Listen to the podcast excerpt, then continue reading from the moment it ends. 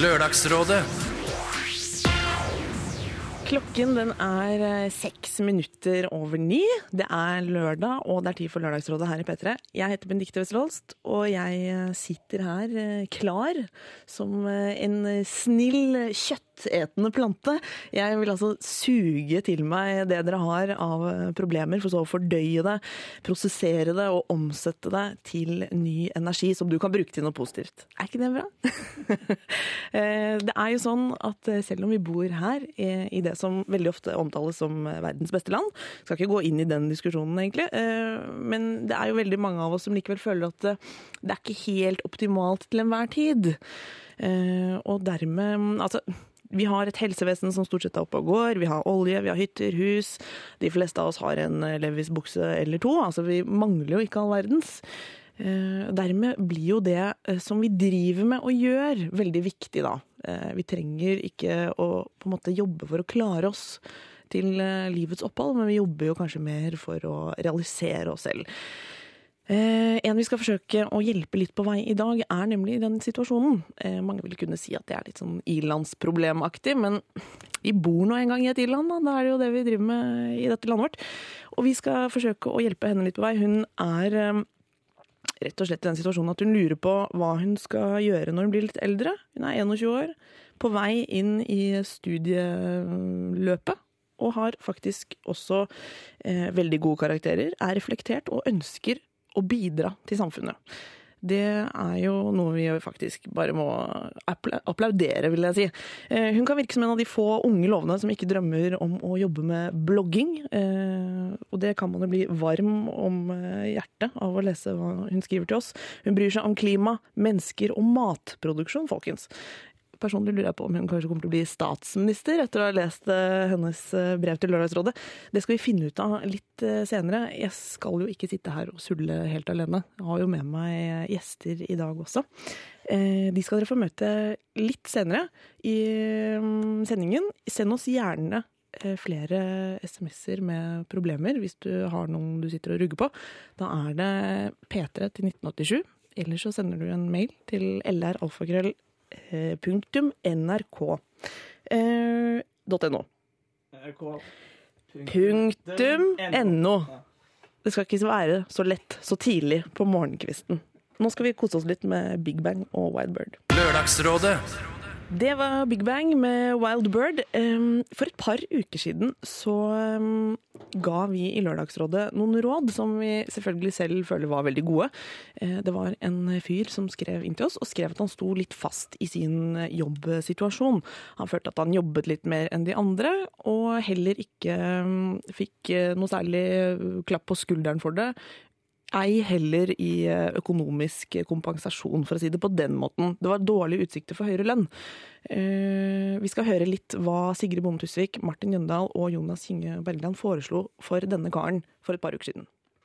eh, sladre på at de andre gjør det dårlig, eller mm. begynne å bli slapp selv, er noe spesielt gode retninger å ta. da. Nei. For jeg tenker ofte at de som mener at de fortjener høyere lønn, sier ifra. Ja. Og sier sånn Jeg jobber mye mer enn Ja. de andre. Og jeg, hvis jeg hadde vært i den situasjonen, så hadde jo jeg outa de andre. For jeg er litt sånn person.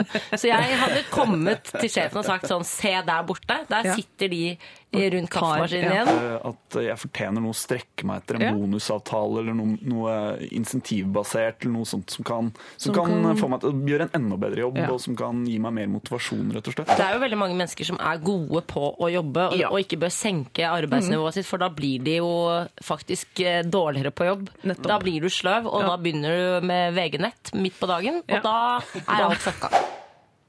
Det, altså, nå har vi faktisk fått en oppdatering vi, fra denne fyren som kalte seg Arbeidsjerne. Eh, Han fikk, som dere hørte nå, eh, et knippe med, med råd, eh, og han har også svart oss hvordan det har gått. Jeg leser opp. Hei, hei, og tusen takk for gode svar fra Lørdagsrådet. Det er veldig hyggelig å høre, det må jeg kommentere her.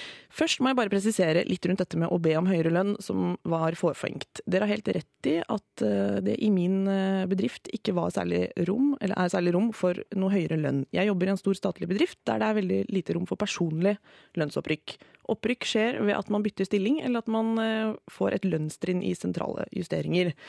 Eh, Så vet dere det der ute. Eh, Men når det gjelder hva jeg faktisk har gjort, så har jeg fulgt rådet deres og tatt en god prat med sjefen min.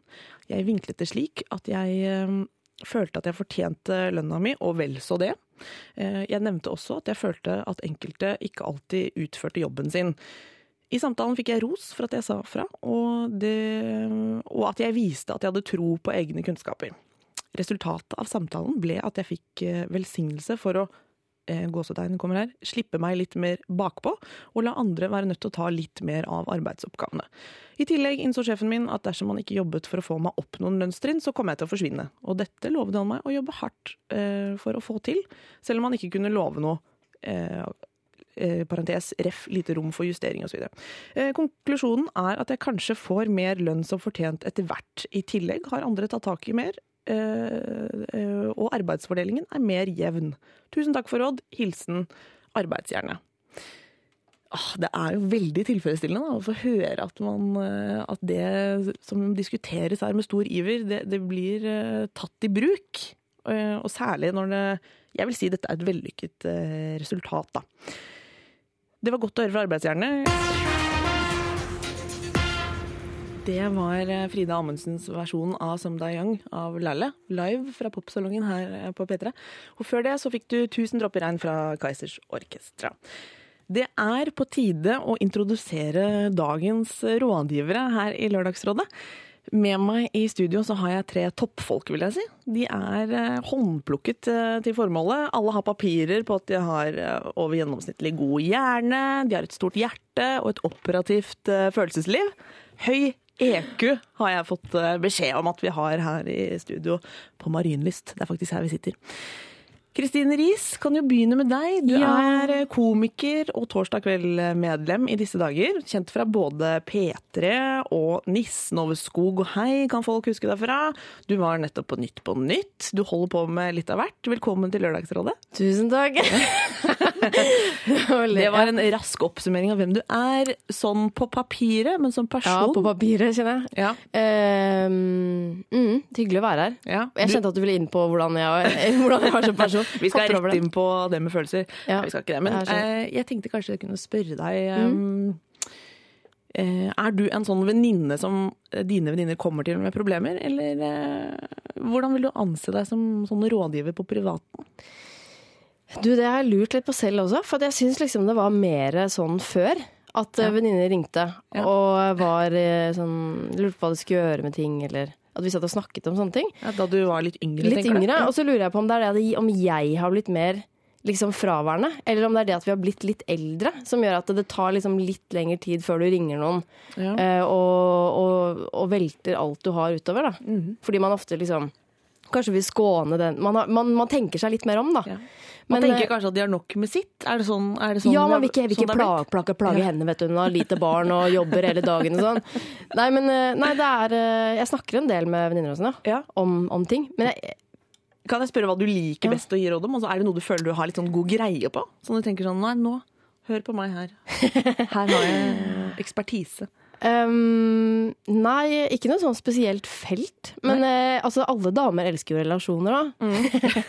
relasjoner. Altså, det er jo ingenting som kan få praten til å gå i så mange timer. Det er helt uh, sant. Relasjoner, kanskje litt sånn jobb og sånn òg, eller? Ja. Nei, jeg vet ikke. Det er spennende. Ja, der, jeg er veldig glad i den derre Skal jeg følge magefølelsen, Ja. eller skal jeg gjøre som logikken sier? Ja. Altså sånne ting. Der- der kommer du kverner inn. mye selv, ikke sant. Så det det, ja. Jeg kan nok love deg at du kommer til å eh, få utfordret deg på det i løpet av, sendingen. Altså. Du, det skal mye til for at du ikke blir, eh, blir det.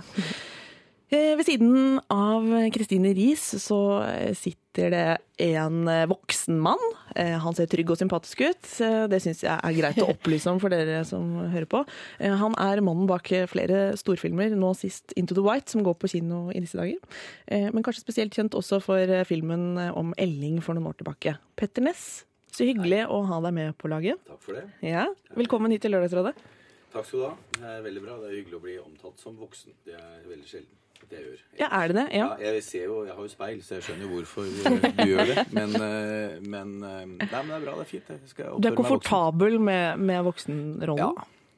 Jeg, ja, delvis. Ja. Eh, Veldig opp og ned, egentlig. Jeg, er, um, jeg begynner å bli så voksen at jeg syns ting begynner å haste litt. Jeg, nå har jeg mye jeg må Ja. rekke i de sannsynligvis ganske få årene jeg har igjen.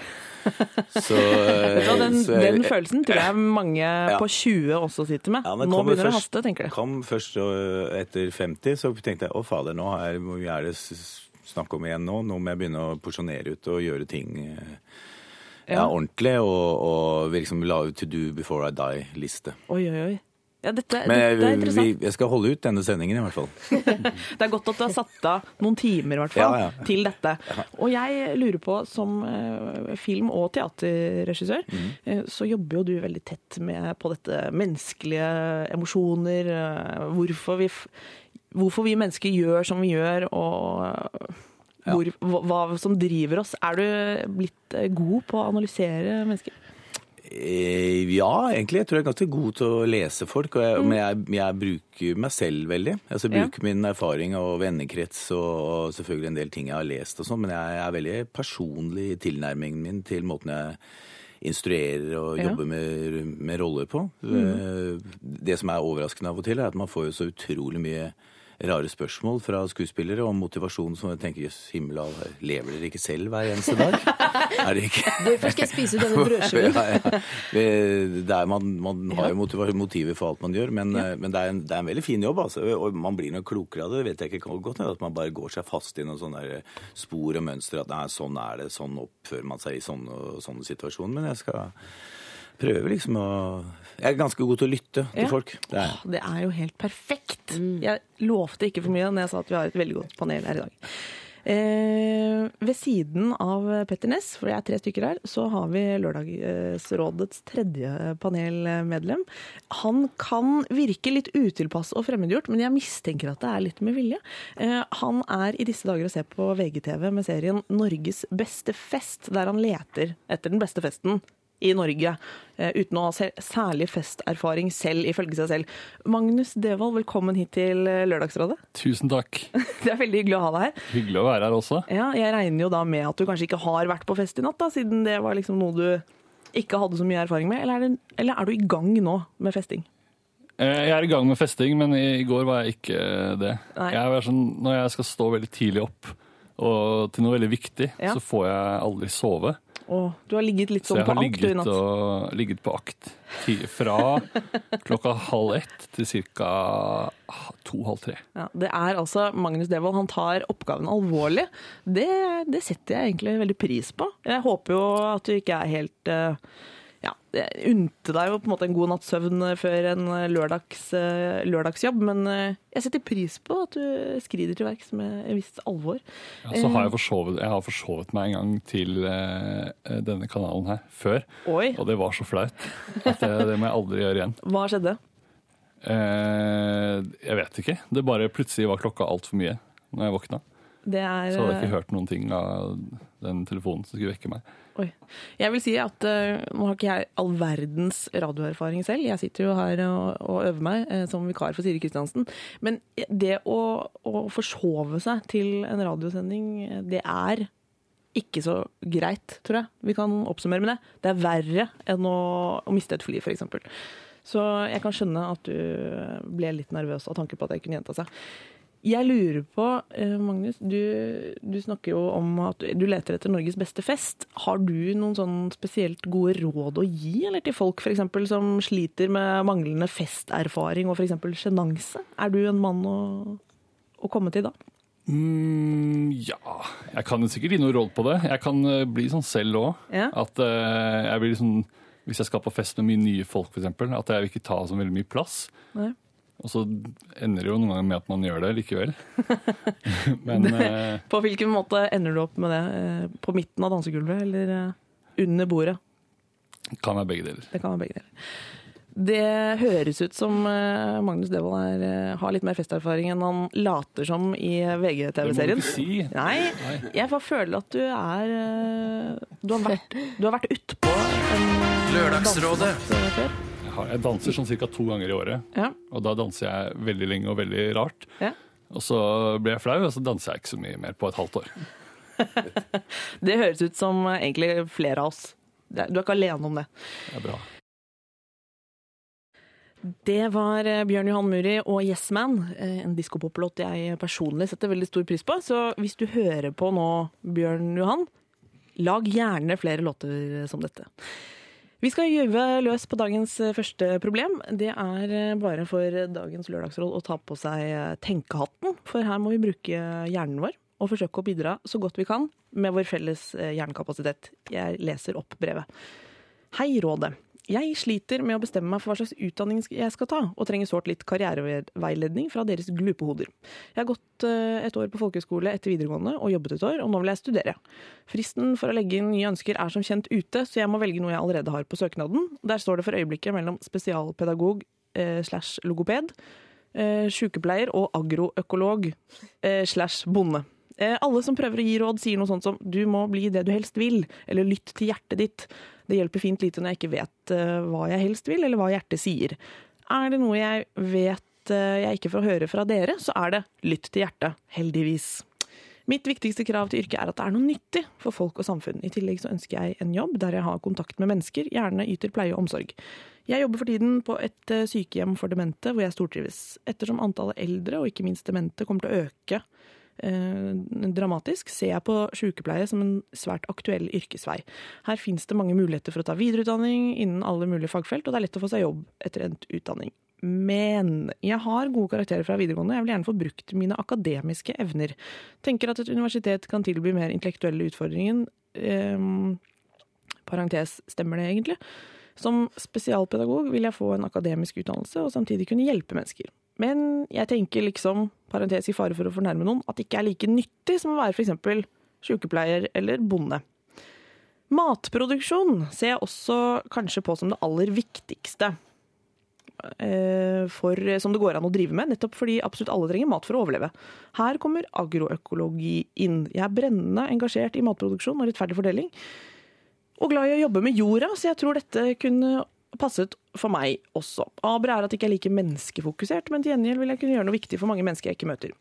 Alle tre eh, virker som interessante utdanninger med gode, varierte jobbmuligheter. Men hva er best? Jeg er i villrede på tynn is, dypt vann og bar bakke. Hjelp! Hilsen Aurora på 21. Her var det mye å ta tak i. Dette er jo et overflødig horn av, av lyster og tanker. Eh, Hvordan velger man egentlig uten å, å, å lytte til hjertet? da? Petter Ness vil gjerne ha ordet. Ja, du sa i introduksjonen eh, i forhold til henne at eh, hun kan jo til og med bli statsminister, kanskje en gang. Jeg nevnte det. Med alle disse interessefeltene og dette engasjementet, så er det én ting hun ikke må bli, og det er statsminister. Åh, For da får hun gjort svært lite med i hvert fall miljøengasjementet og den type ting. Aha, et lite stikk der. Så eh, jeg tror eh, agroøkolog tror jeg høres veldig bra ut. Hun er ikke så glad i mennesker, men hun er glad i dyr og mat. Eh, Og fornuftig miljømessig matproduksjon, det syns jeg høres ut som ja, du går rett på det, ja. Du, Ja, du synes hun det kom, spennende kom tilbake til dette flere ganger også. Ja. Så det Hun var ut som- veldig glad i mennesker, da. Det, det skal sies. Hun var opptatt av mennesker, men hun mente at hun kanskje kunne hjelpe flere mennesker, altså overordnet, ved å jobbe med, Ja. med matproduksjon. Så Der får man brukt både det akademiske Det er jo sikkert en lang komplisert utdannelse som Ja. senere kan gå over i en praktisk eh, form for matproduksjon og livet på landet mm -hmm. sammen med noen få mennesker og mange dyr. Det syns jeg høres optimalt ut for Ja. eh, henne. Merker Slik var hun litt sånn- fremstiller det. Ja, Ja, det var litt sånn uvant at uh, noen tenkte liksom mer på hva gagner samfunnet, Ja, ikke det Eh, litt, og ikke eh, sånn hva blir jeg skikkelig glad av å gjøre. Ja. Det var litt uvant. Jeg tenkte også sånn ja. politiker, eller? Der liksom kan du drive med alle disse feltene innenfor ja, en eller annen post. Men, men det er jo liksom eh, litt rart å si bli politiker. Jeg vet Ja, men det er ikke noe man dumt, tenkte jeg. Det Nei. overrasker meg nesten litt hvis Aurora på 21 ikke har penset innom tanken om å engasjere seg politisk. For alt vi vet, så er hun jo medlem i et eller annet parti. Ja, Men går det an å si, Kanskje. når man liksom er 21 eh, og man har liksom masse fornuftige tanker om hva man kunne tenke seg å gjøre, og det er virkelig fornuftige tanker, Ja. men hvis liksom man ikke føler noen ting rundt det selv, at man ikke får noe driv eller noe sånn åh, det har jeg skikkelig lyst til, og hun, egentlig så er hun jo i en jobb nå som hun trives kjempegodt i, Går det an å jobbe liksom litt til, eller? Mm. Og bare bli der, og så la liksom følelsene komme, Ja. og, og liksom kjenne på Kanskje om et halvt år så kanskje kjenner hun at å, det er dette jeg vil. Ja. Er det litt tidlig å, å avskrive hjertet som en indikator for hva man skal velge når man er 21? Altså jeg tenker, Er det kanskje litt, en litt skummel sti? Altså Vi skal Ja, alle tenke tidlig, på altså. ja, Vi skal alle tenke på, på hverandre, men, Ja, men folk kanskje er veldig forskjellige, da. Ja. Kan det hende at det er, eh, er viktig for Aurora? Ja. Magnus Devold, du eh, jobber jo med eh, humorisme på VGTV. Føler du at det bidrar til Har du tenkt mye på, på menneskeheten i valg av yrke der, eller, eller Folk må jo ha underholdning. Ja. Det er jo på en måte en tjeneste jeg prøver å gjøre til folk. Jeg tenker at hun med bonde og sånn, går det jo går det an å Kan man ikke kjøpe en gård og så være litt logoped? Jeg syns det hørtes så fint ut å være logoped. Ja, være, ha liksom en dagjobb, kanskje 50% stilling som logoped, mens Ja. du samtidig har, bor på en gård med familien din og masse dyr. Lager masse kjøtt og melk og ost. Koker økologisk høne flere timer om dagen. ja, det går jo an faktisk å kombinere dette her, ja. Hvert fall høne, Hvis du koker den i flere tider, kan du bare sette på høna, og så kan du gå på jobb. Ja, ja, klart Og så det. komme tilbake, og så er den ferdig. Ja, da den er best, visstnok. Og så vidt jeg vet, så er det veldig få gårdbrukere som bare kan leve av å drive gård. Så jeg tror de fleste, i hvert fall ute på landet, har jo tre-fire eh, jobber. Så det, det er et bra forslag. Og Da kan du være logoped på liksom flere forskjellige skoler, reise rundt, logopedere. Ja, jeg det. føler de logopedene jeg har møtt, er vel slags omreisende folk. Har du møtt mye logopeder? De var. Ja. Plutselig kommer de i klynger. Husker jeg fra barneskolen at de banket på døra, og så var det noen som hadde problemer med S og R, som ble Ja. hentet ut. Eh, Og den samme logopeden var også innom naboskolen. Så det var ikke vår egen logoped, hun var rundt. Det var ikke så fin skole. Nei. Nei. Uh, nei, men eh, det er jo liksom Når man er 21, så er det jo litt uh, vanskelig å, å vite alt. Ja. Da. Man kan jo ikke liksom tenke sånn ah, da skal jeg bo på en Eller da skal jeg ha to barn, og skal jeg være som en fyr. Altså sånn. Ja, det er litt det er litt for- mye å gape over, liksom. Det det. Da, da vil jo hvem som helst få litt panikk, da. Man Ja. må jo bare begynne et eller annet sted.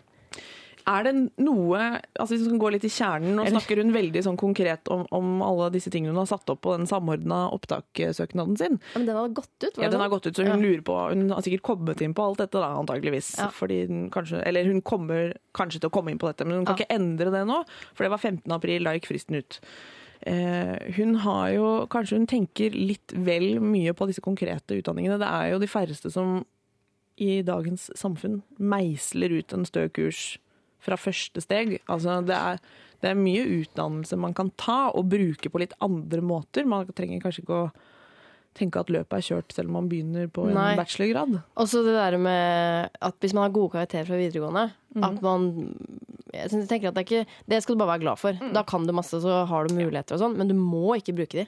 Eller reise og gå på en skole i utlandet og treffe folk fra helt andre steder i verden som, eh, som snakker andre språk, som er helt andre typer problemstillinger og kommer fra andre kulturer og, og sånt. Det tror jeg også Det høres ut som noe hun eh, kunne likt òg. høres ut som hun passer godt inn. Høres ut som hun er åpen for mange retninger Ja, og inntrykk. Så det, og så komme tilbake. Og Ja. De, Ja, går det ikke an det? Og reke litt rundt, som han sa før, eh, før man bestemmer seg. Jeg tipper hun vet om ett år. jeg. Jeg tipper jeg hun har alt klart. Ja. Og jeg tror Hvis hun skulle begynt på noe nå, så tror jeg hun burde begynt på jeg husker ikke hva det heter nå, agro... Økologi. Økologi. Ja. Fordi det tror jeg hun kommer til å holde på med uansett. På en eller annen måte. Ta det først. Ta en bachelorgrad i det, og så Det er så sinnssykt konkret. Jeg liker det. Og så etterpå finne ut eh, hva hun skal gjøre ved siden av. For eksempel, jeg syns logoped. Det er Ja, bare fordi en- det er morsommere. en knapp på logopedvirket. Eh, uansett, jeg, jeg trodde kanskje ikke jeg skulle si dette til en eh, kvinne på 21 år, men kanskje Aurora, kanskje du skal tenke litt mindre på samfunnet og litt mer på deg selv. Det, er- det er jo lov, eh, for du har åpenbart evner til å få til eh, hva det måtte være. Men eh, jeg tror ikke du kommer unna det som kalles magefølelse og, og hjerte etter hvert. For eh, ved å begynne, så, så får man også Ved å begynne på noe, så kjenner man jo kanskje også om, om det er feil eller riktig. Og så tar det litt derfra. Ja, Petter? Eh, Jeg syns det er som du sa i sted, at det er veldig fint at du tenker på samfunnet. For er det én ting dette samfunnet ikke mangler, Ja. så er det folk som tenker på seg selv. Jeg er enig i det. Jeg er enig i det, Men man kan ikke på en måte gå inn i et yrkesliv som en sånn martyr.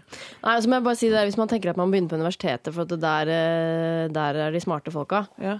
Nei, det, er, det stemmer vel ikke helt. Det, det trenger du ikke å tenke over. Nei, de, er, de dukker opp på de rareste steder. Ja. Også på, på, på de merkeligste jobber og Du mener det altså, Kristine? At, at de smarteste folka er ikke på universitetet? Jeg hang meg litt opp i det. Nei, jeg, bare, jeg var en kjapp tur innom selv. Ja. Eh, Du ble ikke så imponert, si? Nei, men altså, jeg, jeg gikk jo der. Hoppa av, begynte på Jeg rota litt rundt selv akkurat i den tiden. skjønner Ja. du. Og da hoppa jeg litt rundt på forskjellige studier som er langt unna det jeg holder på med nå. Ja. Men det var jo en sånn fase da, ikke sant? hvor man ikke visste helt. Ja. Det ordner seg. Faser er jo en del av livet. Det var veldig flosklete sagt, men, men vær nå litt i det å, å være 21 år, og det kommer til å ordne seg. Og fortsett å tenke på samfunnet rundt deg. Det er jo beundringsverdig, og vi trenger det. Agroøkologi, Det var litt inspirerende, logoped. faktisk. Ja, det var inspirerende. Vi, vi, vi tar det med oss videre. Lørdagsrådet. Du lytter til Lørdagsrådet med Benedicte Wesselholst. Med meg i studio så sitter komiker og gummifjes eh, Kristine Riis, eh, film- og teaterregissør og panelets eh, kanskje viktigste voksenperson her i dag, Petter Ness. Jeg liker vi, skal, vi skal holde på med det, skjønner du. Du skal få kjørt deg på det. Og. Ja, ja, ja. Og Magnus Devold, det er mannen som leter etter Norges beste fest på VGTV i disse dager. Vi gjør så godt vi kan her vi sitter, og vi går i gang med dagens eh, andre problem. Jeg leser. Hei, Lørdagsrådet. Trenger noen innspill her. Jeg har ikke rørt en mann på tre år og blir snart sprø. Jeg er 25 år, lubben, kanskje ikke så veldig pen, men veldig blid og får folk til å le. Jeg er hyggelig, men det hjelper lite på det åpne kjøttmarkedet. Bor også svært landlig til, men studerer nært byen. Har forsøkt nett, men der er det bare menn over 60 som finner meg attraktiv. Ja, og så drikker jeg ikke. Liker ikke smaken. Å ha meg med en full mann blir litt som voldtekt, føler jeg. Kunne snart blitt produkttester for ymse sexbutikker og er ganske ensom. Har dere noen tips til hva jeg kan gjøre for å møte Mr. Right, eventuelt Mr. Tidsfordriv? Klem fra fet, men fattet. Uh, altså Når du skriver 'fet, men fattet', det synes jeg det indikerer at det er en veldig veldig morsom eh, og kul dame. Hva kan hun gjøre for å finne en fyr å ligge litt med, eller eventuelt bli kjæreste med? Hva tror dere? Morsomme jenter er jo veldig bra, da. Ja. Det, jo, det burde jo være mange som eh, Ja, jeg tror bare bli kjent med så mange menn som mulig. ja. Og eh, jeg vet Hvordan gjør man det uten å gå, dra på fest, egentlig? Det vet jeg ikke helt. Nå vet ikke jeg hvilken strategi hun har når hun er ute. det er jeg litt husker. Jeg, da jeg var eh, vesentlig yngre, så jeg hadde mange ganske fremfusende venner, og de var liksom veldig Jeg tenker Hvis jeg holdt meg i bakgrunnen og bare var han der mystiske, tause, stille vann av dypest bunn og sånn, så, så fant de meg til slutt, men det gjorde de jo ikke. det, det, det var eh, De gutta som var i, front og var, fikk oppmerksomhet, de, den, de fikk den oppmerksomheten. og det var ikke noe igjen til meg. Så senere har jeg, jeg tenker jeg må prøve å komme meg frem. Så kanskje hvis hun har den strategien, at jeg holder meg i bakgrunnen, så kommer de og finner meg til slutt, så, så legg vekk den. Ja, Men hun, hun skriver jo egentlig at hun får folk til å le, så det, det er jo et godt utgangspunkt. Kristine Riis, du, du får jo også folk til å le, gjør du ikke? Uh, nei, jeg vet ikke. Av og til. du Men, uh, nei, men jeg tenker at hun Har du eh, brukt det i sjekkeøyemed? nei, eh, nei, det tror jeg ikke. Men man prøver jo kanskje å eh, skru på skjermen litt, som det heter. da. Ja. Men det tror jeg det kommer naturlig. Det er ikke sånn man bør tenke på at man må det. Hvis man liker noe veldig godt, så, så uh, kan det være fint å vise det, da. Ja. Tror jeg. At man ikke prøver å bli for kompis, hvis det er noe man liker veldig godt. Mm. Men det høres ut som hun fungerer veldig veldig bra sosialt. da. At hun, eh, at hun er, uh, at hun er liksom morsom, at hun er sikkert er lett å prate med, og Mm. hvis hun studerer nærme byen og sånn, så kan man jo gå ut fra at hun møter en del eller mye folk da, på, på sin egen alder som kan være aktuelle kandidater. Ja. Men uh, altså, jeg syns det er litt sånn vanskelig å si sånn konkret uh, hva man skal gjøre. For det er jo ganske vanskelig Det det, at det er jo ganske vanskelig å treffe noen man liker så godt at man har liksom lyst til å gjøre noe mer. Men tre år uten å være i nærheten av en mann, altså det, det er ikke nødvendig. Men hva skjedde, liksom? For at hun er jo bare 25. Så jeg tror, Det er jo mange aspekter her kanskje som, som spiller inn. Hun skriver jo at hun er fet, men fattet. Hvor tykk hun er, det er jo uklart. Og kanskje hun definerer seg som tykkere enn hun er. Mange jenter gjør jo det. Eh, og så er det dette med at hun ikke Vi kan jo dvele litt ved at hun ikke drikker alkohol, og bor ganske landlig til. Ja det er to elementer som kanskje kan, kan gjøre at man går glipp av litt eh, morsomme sosiale ting. Eller er det, en, Ja. er det dumt altså Man skal ikke sitte her i, i Rikskringkastingen og, og foreslå at man skal begynne å drikke alkohol, men, man, men det er jo noe som Jeg tenker at det ikke har Ja. Eller altså, selvfølgelig kan ha litt å si sosialt, liksom. Men, men jeg har vært sammen med gutter som har måttet være av, Ja. vært avholds og ikke har drukket noe særlig. Og, så Og det er har litt- gått greit. Det, det har gått fint. Uh, så det, jeg tror liksom ikke det kommer an på det på en måte. Men hvis hun fram til hun var 22, så har hun jo tydeligvis liksom vært mer sammen med gutter, da. Mm. Så man kan liksom, kanskje tenke liksom, hva var det som skjedde, på en måte. Hvis det har gått tre år, har hun blitt gradvis mer misfornøyd med seg selv, eller For det kan jo være at hvis man føler seg veldig dårlig selv, Ja. så utstråler man jo kanskje ikke det man øh, Kanskje man ikke tiltrekker seg folk så lett, da. Så kanskje det går an å starte litt med å rydde opp litt i selvbildet, eller hvordan man føler seg. Da føler jeg det ble veldig alvorlig, men, men er det Ellers kan det også være slitsomt hvis hun er veldig morsom og det, en påtar seg den rollen å være Ja. den som er muntrasjonsrådet og er gøyal hele tiden og, Mm. og, og blir veldig sliten av det og sitter ulykkelig og gråtende igjen alene, mens de andre tenker, Den "Nå orker vi triste klovnen. Ja, triste, Jo, men- jo, triste klovnen. For at, At- mm. eh, at plutselig så blir, kan det bli for mye. Men, men, men signalene er litt utydelige her, så vi, vi bare driver og Selvfølgelig. forsker. Men noen ganger så kan det være litt litt, sånn hvis, Ja, vi gjør det nå, men det, det er greit, eller? Ja. men hvis man, eh, hvis man liksom er veldig morsom og sånn snappy hele tiden, så kan det være litt vanskelig å komme inn på en, ikke sant?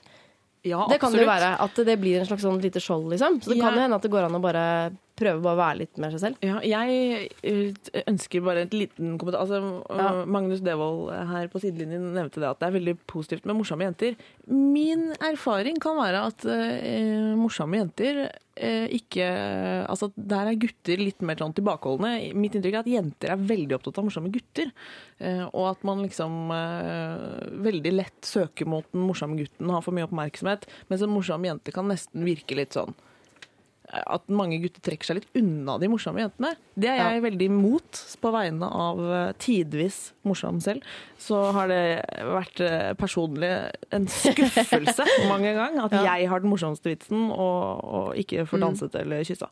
Det er veldig Eh, viktig at uh, de jentene ikke er morsommere enn oss selv. Nettopp! Men de må være Her kommer nemlig ærligheten Men de må fram. alltid legge de må, hvis, hvis en jente er morsommere enn meg, så må hun gjøre seg litt mindre morsom Ja. enn meg. Dette begynner å nærme seg noe som tror- høres ut som sannhet. Du skal, det er viktigst at hun ler, er det ikke det? Av dine vitser. Det er veldig viktig. Og så kan hun følge opp sånn litt. Ja.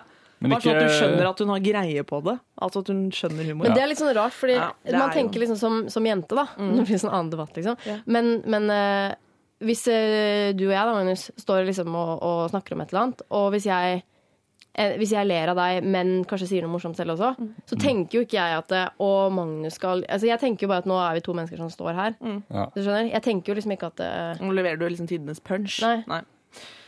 Ah, det er, eh, hun er altså 25, vår innsender mener selv at hun er fet, men fattet. Bor landlig til. Jeg vil jo personlig at alle bare skal flytte inn til by. Jeg tenker at det er nøkkelen til eh, mye som, som er hyggelig her i livet. Det er jo- Er det et alternativ, eller? At hun flytter? Ja, men jeg tror, det er tror jeg, rydde opp i selvbildet tror jeg er på en måte viktig. Hvis du sier fet, men fattig. Hvis man går Ja. med et bilde av seg selv som eh, fet. Ja. Jeg bare går med et bilde av meg selv som gammel og døende.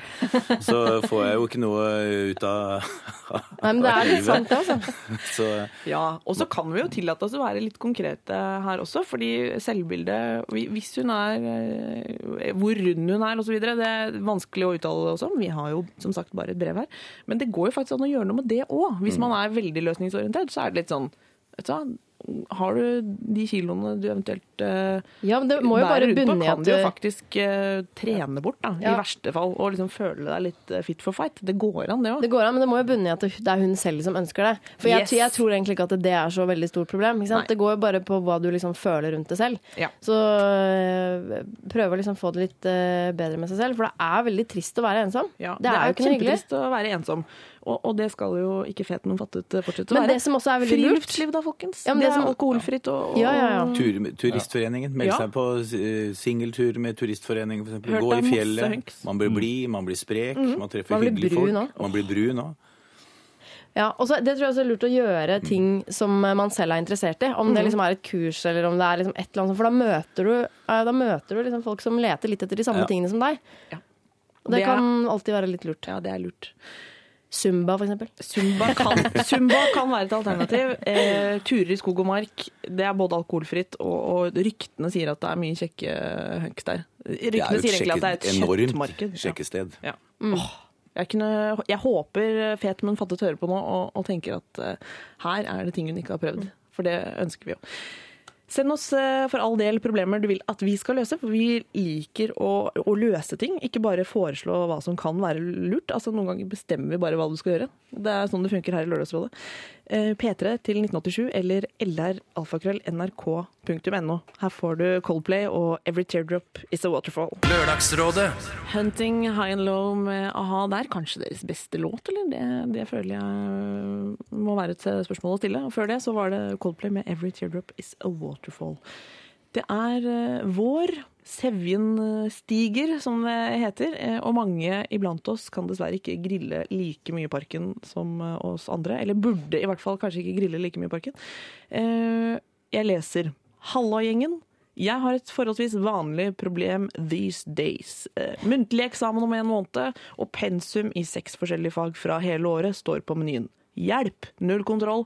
Hvordan framstår jeg som kontrollert likevel? Suss-muss fra student på 24.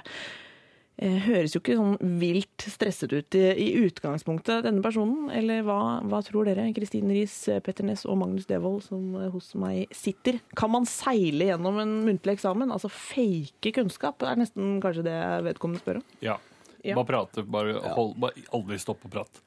Akkurat, ja. Bare finn på underveis. Mm. Det er det man bare må gjøre, tror jeg. ja. Så, var det hvilket fag det var, eller? Det var seks forskjellige fag. Null kontroll. Og én måned til eksamen. Man kommer bare opp i muntlig ett, eller? Ja, Gjør det? man ikke det? Det er liksom, Seks og kanskje ikke det engang. muntlige eksamener. Muntlig eksamen og pensum Ja, det er jeg litt usikker på. Nei. Man får vel vite det et døgn før eller to døgn før, er ikke det? Og så skal Ja, man det lese vil alt jeg man tro. Mm. Ja, det er uansett bedre å komme opp i muntlig enn skriftlig. Ja, Ja, hvis du har null kontroll. Tror du det? Ja, det tror jeg. ja. For du kan jo altså Når du skriver, blir det veldig tydelig at ikke du kan noen ting. Jeg tenker motsatt, jeg, men Men oh, ja. må man fremstå som kontrollert, tenker jeg? Er det ikke bedre å virke Helt fremstå som helt ukontrollert og sinnssykt engasjert og, og ja. bare late som man har masse tanker i huet på en gang og, og bare pøse ut og vent litt, jeg kommer frem til det snart, jeg, jeg har det på tunga, bare jeg må bare Ja. sånn. Og så, og så bare da, det, det koker så fælt, og herregud, det er så mye jeg vil fortelle dere. Åh, har det gått ti minutter allerede? Jeg har prata meg helt bort. Ja, ikke sant. Unnskyld, altså er tiden ute. Takk for meg. Så det, og vi bruker altfor mye krefter på å være kontrollert og sindige. Ja. Eh, Ja, det bruker Det tar mye energi, Det det. tar sinnssykt mye energi. Du merker, når du endelig slipper det, så merker du hvor sliten du er. Så øh, bare kjør på, altså. Vær, vær frustrert, og, men engasjert tror jeg er bra. engasjert Men går det ikke an Det kan være liksom engasjement, men, men kanskje det, plutselig så åpner man liksom nye dører for seg selv, og så Kanskje renner denne studenten også kan mer enn en han tror. Hvis det er eh, sensorer de skal jo, Du blir vel intervjuet på et vis, så de vil jo gjerne hente fram. Det er ikke, de er ikke bare ute etter å, å, å sette deg eh, i, ut av spill. De vil jo høre hva du kan. Men uh, går det ikke an å få en sånn derre Det syns jeg er alltid lurt. En som er dritflink. Noen, det syns jeg er lurt. Å ta andres ting, ikke sant. Nei, men da, da får du en sånn slags oppsummering. Det har jeg gjort noen ganger. Så får du sånn, eh, hvis noen har gått den klassen før deg, og så leser du gjennom det, og så vet du bare at ok, dette er de store linjene. Og hvis jeg sier dette med en stor selvfølgelighet, så virker det som at jeg kan veldig mye mer. Jeg husker jeg hadde, hadde muntlig eksamen i hva var det, ja? amerikansk historie, eller et eller annet sånt. Eh, hvor jeg fikk ett spørsmål som skulle bare ta en sånn liten sånn lakmustest da, på om jeg kunne alt det andre som jeg ikke hadde spesialisert meg innenfor. Og da fikk jeg et eller annet spørsmål om var det noe med Kina, jeg husker ikke hva det var. Men da husker jeg bare at jeg fikk da den ene setningen som jeg husket da fra notatene til hun jeg hadde lest, og så sa jeg bare den linjen, og da var de bare sånn Ja, OK, vi skjønner. For da var det liksom en slags oppsummering. Det var nesten sant, av som å lese bakpå boka. Ja. Kan det være lurt, eller sånn? Ja, det, det kan, Hvis du har litt flaks, så kan det være lurt. Men hvor, Sammendrag av kapitler. hvor lenge var det til den eksamen? Eh, Det er én måned bare. Ja, men det går jo an. Et alternativ er jo å begynne å lese veldig mye nå. Ja. Der kom, der kom voksenpersonen din. Det var lurt. Det var lurt, det glemte vi. Vi begynte bare på stjeling og spille skuespill og sånn. Det, det funker i mange tilfeller, men kanskje er litt sent. jeg vet ikke, Men du kan begynne med det, så kanskje du er heldig. Ja. Er det litt sånn med muntlig? Det slår meg her Jeg syns jo denne studenten virker som uh, han uh, eller hun er liksom ganske sånn Tar det litt sånn easy-peasy i utgangspunktet. Jeg tenker at de ofte har en fordel i disse muntlige situasjonene. At, at uh, Jeg tenker at de som har lest mest, kanskje er de som ikke klarer seg så godt i, nødvendigvis i en sånn muntlig situasjon. Altså, jeg tenker at man scorer litt sånn uforholdsmessig mye på å være litt sånn cool cat. da. Ja, bare ikke være for cool, liksom. Ja. For at du virker som du gir beng når du Ja. står der. Balanse Men vær hyggelig. Vær liksom hyggelig og blid og, og høflig og sånn. Ja, ikke- Man kommer jo litt på det òg. Personlig. ikke Ja, personlig. Jeg Personlig. sånn, eh, jeg var veldig personlig på min muntlige eksamen. Jeg skulle snakke om en bok jeg ikke hadde lest. Ja. Visste bare hva den handlet om. Relaterte til meg selv. Et eller annet med ung mann skulle ut i livet, og det var, det var fantastisk. alltid aktuelt. Ja, Det gikk rett hjem. Gjorde rett det? hjem. Ja. Fikk du god karakter? Begynte å gråte Fikk, og sånn? Ja. eh, begynte ikke å gråte. Nei. Men jeg fikk eh, fem. Burde sikkert hatt en eh, tre. Og det var engelsk. Og da er det bare sånn, snakk litt om England og sånn. The election. Snakk om sånne ting. Ja. Alltid bra. Så dra noen linjer, pust med magen. Eh, les gjerne en flink eh, students eh, notater, Ja. hvis du får lov, da. Det er lov, spør om å få låne. Ja, ja. Og så, så kommer du deg nok gjennom, skal du se. Eller du kan si at eh, jeg skjønner spørsmålet, men jeg har lyst til å snakke om noe annet. Jeg har det er Vær litt det, det er viktigere for meg å få sagt noe om dette, så at ikke jeg bare er en sånn boklærd fyr som bare siterer det andre har skrevet. Ja. Men dette betyr noe for meg, og så kjører man. Oi, det er dristig, men det kan også ha Ja, stor bra. effekt. Ja. Det kan jo i hvert fall gå bedre enn hvis du begynner å snakke om noe du overhodet ikke har peiling på. Ja, enig. Man må bare prøve å Det f sant. styre samtalen, er vel, er vel eh, noe av trikset. Har du noen problemer eh, som du har lyst til å sende til oss, så, så gjør du jo gjerne det. Det er lralfakrøll.nrk.no. Eh, og som om det ikke skulle være vanskelig nok å konsentrere seg fra før. Her kommer låta som jeg kunne ønske var min russelåt, faktisk. Eh, We Found Love med Rihanna og Calvin Harris. Åh, den låta der, jeg mener at Hvis jeg hadde vært russ og hatt den låta der, så hadde jeg hatt en helt annen eh, russetid. Det var, det var egentlig Rihanna som manglet da jeg var russ i eh, 1999. Det var, eh, som sagt, Rihanna, Calvin Harris, We Found Love. Åh, det skal handle om kommunikasjon. Communication. Eller kommunikasjone, om dere vil. Eh, Vi skal lese et brev her i Lørdagsrådet. Jeg er en jente i midten av 20-årene som har verdens beste foreldre og en yngre bror. Eh, Problemet mitt er at jeg ikke klarer å snakke skikkelig med, med dem lenger. Jeg får bare ikke til å fortelle dem om hverdagen min. Ender ofte opp med å bli litt sint i stemmen og irritert. Alt blir bare unaturlig. Samtalene oss imellom blir ofte korte setninger og enstavelsesord. Alle prøver å snakke skikkelig sammen, men vi får det ikke til. Det er ikke helt naturlig for meg f.eks. å spørre om jobben deres, fordi vi jobber med helt forskjellige ting og forstår kanskje ikke hverandres jobber og hverdager på jobben. Dette fører til at vi får et litt dårligere forhold, noe jeg ikke liker, for jeg er jo glad i familien min. Jeg er heller ikke sånn med andre. Blant venner og kollegaer så kan jeg snakke og snakke uten problemer. Hva skal jeg gjøre for at vi kan begynne å snakke sammen skikkelig og få et bedre forhold? Ja, dette hørtes jo litt eh, slitsomt ut. Eh, Vi sitter her i Lørdagsrådet. Med meg har jeg Petter Ness, Kristine Riis og Magnus Devold. Eh, Har dere noen gode råd for å få liksom bedre flyt her? Ja, det er jo middag, da. Jeg vet ikke om de spiser eh, middag, men de må, det må de gjøre. Ja. De må spise, alle må spise middag sammen. Ja. Bruke lang tid. Gjerne lag maten tar lang tid å spise. Da kommer Så at alle må sitte i kanskje tre kvarter. En time. Og gjerne lage den sammen også. Ja, det kan man gjerne gjøre. Alle, alle kan lage barn... Jeg vet ikke hvor gammel var hun, sa Hun er 20, 20, år. ja. Ja. Så hun kan bruke komfyr Nei, og du, sånn. hun er i midten av 20-årene. 20-årene. Midten av er jo- 20-årene. Da er man 25, da. Men hun bor, bor hun hjemme, eller bor hun ikke det? Det er litt uklart. Jeg tror ikke egentlig hun bor hjemme lenger, faktisk. Så, så dette er vel egentlig mer sånn når de møtes, og, og kanskje på telefon og ja. La oss ta utgangspunkt i det. Ja. Ja. Det er å dra, dra hjem, spis, mid- spis mat med de. Må, Ja. Da snakker man alltid. Men jeg bare lurer på om hun, liksom, om hun vet om eh, de også tenker på det.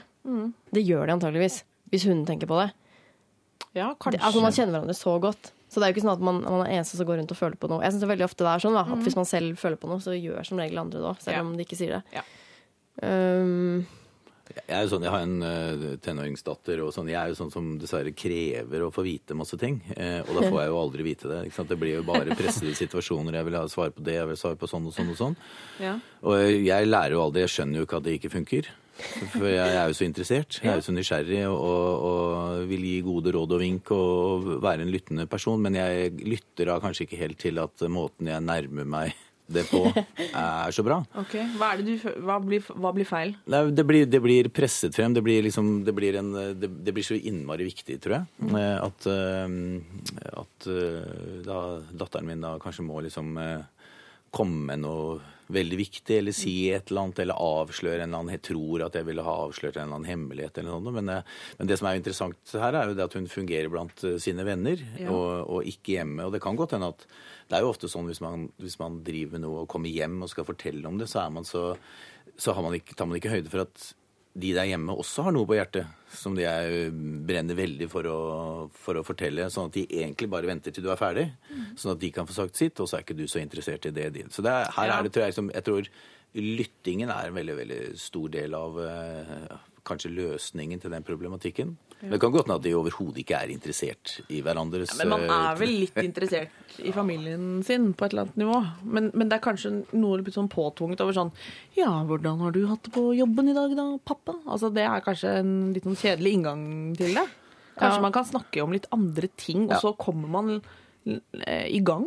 Altså hva med å bare Alt, man, alt det andre man bryr seg om, eh, det man Jo, ser jeg, på jeg kjenner meg liksom litt igjen, jeg. Ja. At uh, når man blir liksom litt eldre, så uh, det er, det er akkurat som at uh, du, du føles som to kanskje litt forskjellige verdener. ikke sant? Ja. Det man driver med som seg selv, og så kommer man hjem, og så vil man kanskje fortelle, men så føles det litt sånn fjernt. Fordi man tenker at ja, men Ja. de, de bryr seg jo om meg. liksom. De bryr seg jo kanskje ikke akkurat så mye om akkurat hva jeg har drevet med den siste uka. Eh, jeg syns det var litt sånn vanskelig. Kanskje men går det ikke an å kan- jeg, vet- ikke. Jeg er bare sånn Nei, det er, jeg vet ikke om man, om man bare kan si liksom at at man syns det liksom, det føles litt rart eller noe sånt. Men er, det forslaget er jo rett og slett å hvis vi ikke har gjort det allerede, si, si hjemme, si dette. Vet du hva, vi snakker ikke sammen. Hva gjør vi med Ja. det? Hvordan løser vi det? Hva er, eh, og så er det så bør ikke, altså Jeg opplever at når jeg sier ting, så er ikke dere interessert, og sier kanskje den andre. Og det, det bør ikke være sannheten, men det er sånn det oppleves. Og så blir, får man en større forståelse for uh, hvordan de forskjellige uh, elementene i, fa- i familien opplever ting. Så kanskje, Men jeg tror det du sier, eh, Magnus, er at eh, tid, altså. Man trenger tid. Ja, For man trenger det- den langkokte lang tid, langkokte så kyllingen. dukker Ja, du trenger den sånn coq au vin. Ja. Noe som står og koker. Er det mange retter òg? Putrer og koker. Ti-tolv retter. ja. Såpass, ja. Et herremåltid. Lag maten alltid på svak varme, så det trenger skikkelig lang tid. Men eh, min erfaring er egentlig litt sånn eh, Ja, familie det, det går jo litt i bølger hvor, hvor mye man prater sammen. Noen ganger kan man jo faktisk prate litt for mye sammen, er, er min Ja. erfaring. Altså, og store måltider eh, kan jo ofte ende i i, i opphetede diskusjoner. Ja. Kanskje de trenger det? kanskje dette er en familie som trenger litt av det nå, ja. Kanskje de trenger litt krydder i den eh, langkokte au. Altså noe som spicer opp litt. Det virker litt eh, temperaturløst. Det høres ut som de trenger en uke på hytta med ludo og monopol. Ja. Ja, bare for- Kanskje ikke monopol, for da da blir drikker alltid krangling. det Det blir alltid- krangling, Ja. men det å, å rett og slett gå litt til kjernen av det og si sånn nå, nå, Vi har et problem. Ja, nå snakker vi litt lite sammen. Hva, hva, hva skjer? Ja. Eh, ellers så er det jo ulike faser. Man skal kanskje ikke få panikk. Altså, noen ganger er det litt dårligere tid, og og man er inne i, i Man må jo heller ikke snakke med familien sin om absolutt alt hvis det ikke er et veldig intenst ønske. Det ser Petter Næss blir nervøs der borte, men eh, Nei, men er noe er deler man jo med venner og, og kjærester og, og, og diskuterer med, på andre arenaer. Ja. Hvis man føler at f.eks. For foreldrene liksom ikke er så veldig på ballen med, på hva hun driver med i yrkeslivet, f.eks. For, for det kan jo skje. Det er jo ikke sånn Mm. at alle foreldre er kjempeopptatt av barnas jobber, eh, for eksempel. Nei, Det hadde vært hyggelig å ikke føle seg som en, en eh, Hvis man føler at man liksom er veldig på besøk når man er hjemme. Ja. Sånn at det blir veldig sånn Ja, sånn som du sa i stad. Ja. Hva har du gjort på jobben denne uken, Ja, da? ja, det blir Eh, det blir litt sånn skuespill, på en måte. Det er litt hyggeligere å bare legge seg på sofaen, og man trenger kanskje ikke snakke så mye om Ja. Men jeg synes eh, hun skriver jo for så vidt at det er ikke helt naturlig for meg å for spørre om jobben deres, fordi vi jobber med helt forskjellige ting. Det syns jeg er dårlig eh, det, det holder jo ikke. Vi jobber jobber alle med forskjellige ting. Det må vi kunne prate om. Ja, da virker hun ikke Ja, Da er det hun som ikke er interessert. Da virker ikke nysgjerrig nok, rett og slett. Så, Og så kan man snakke om andre ting enn jobb med, med sine helt nære relasjoner. Ja, men det kan jo også avstedkomme avsløring av hva man tenker omkring det man jobber med. Ikke Ja. nødvendigvis konkret eh, far er ingeniør, eller noe, men Nei. liksom hva man opplever at man Ja. Mm. bidrar med, og hvordan det er med kolleger, og hvordan man fungerer i de forskjellige settingene rundt omkring. Så det mer nysgjerrighet, tror jeg på. Mm. Det tror, Bedre lytting. Bedre lytting, mer nysgjerrighet. Familien eh, er jo en- kime til, eh, til, til mye glede, frustrasjon og gode diskusjoner. Og som Magnus eh, Devold påpekte, også gode måltider. Få på noe god mat, og, prøv å prate om ting dere egentlig bryr dere litt mer om enn eh, dere tror. Det er aldri for, aldri for sent å få en god familie, Nei, det, godt sagt. Det er kanskje sant òg. så ikke gi opp. Ikke gi opp. Familielivet kan blomstre også sent i 20-årene. Eh, send oss eh, for all del flere problemer hvis du skulle være så uheldig å ha noen av dem. Eh, det er derfor vi sitter her en eh, lørdagsmorgen. P3 1987. lralfakrøll.nrk.no. Eh, her får du Tomorrow Calling med det norske bandet Sweden. Lørdagsrådet. Det var Renegade med Paramore, og før det så fikk du Tomorrow Calling med Sweden. Her i Lørdagsrådet så sitter filmregissør, ja, film- og teaterregissør Petter Ness, komiker Kristin Riis og den festsøkende Magnus Devold fra VGTV. Vi har fått inn noen eh, SMS-er som er direkte spørsmål eh, til dere, folkens. Jeg tenkte å begynne med en til deg, Magnus. Du leter etter Norges beste fest. Hvor fant du den? Jeg har jo ikke funnet Du har ikke funnet den kanskje ennå, eller vi må følge med? Ja. Vi må følge med. Jeg skal sette sammen, uh, sette sammen en fest med det beste, de beste elementene fra alle stedene jeg er. Så det er jo på en måte at jeg skulle lage en, drø en uh, drømmematrett som Ja. var liksom pizza med taco og hamburger og bløtkake og fiskesuppe Ja. i én rett. Så det blir en, en, eh, en kjempefest, en slags drømmefest med alt, alt det beste jeg har funnet fra reisene mine. Jeg er ikke ferdig med å reise ennå. Nei, du er, eh, du er eh, operativ på, på, på festleting. Å ja. Ja. Jeg skal til Ålesund eh, etterpå Spennende. og dra på fotballkamp. Oi. Ja, er, det er, og dette kan vi følge med på. Er det fredager? Det er torsdag, torsdager er det det kommer. Torsdager kommer det altså av festinnspill. Men kanskje man skal spare den til fredag? Og så se den før man skal på fest selv, så plukke opp noen tips. Ja, det var det jeg gjorde, faktisk. Så jeg, ble, jeg så den på fredag. Ble peppa øh, og gira. Tok meg noen shots i anledning Ja, det er det jeg vil. fredag. Akkurat det jeg vil. Det, det aner meg. Um, OK, du har ikke funnet den perfekte festen ennå, men du er i, i gang. Um, skal vi se. Neste spørsmål. Um, Petter Ness, hvor lang tid tar det å lage en spillefilm? Fra idé til lerret?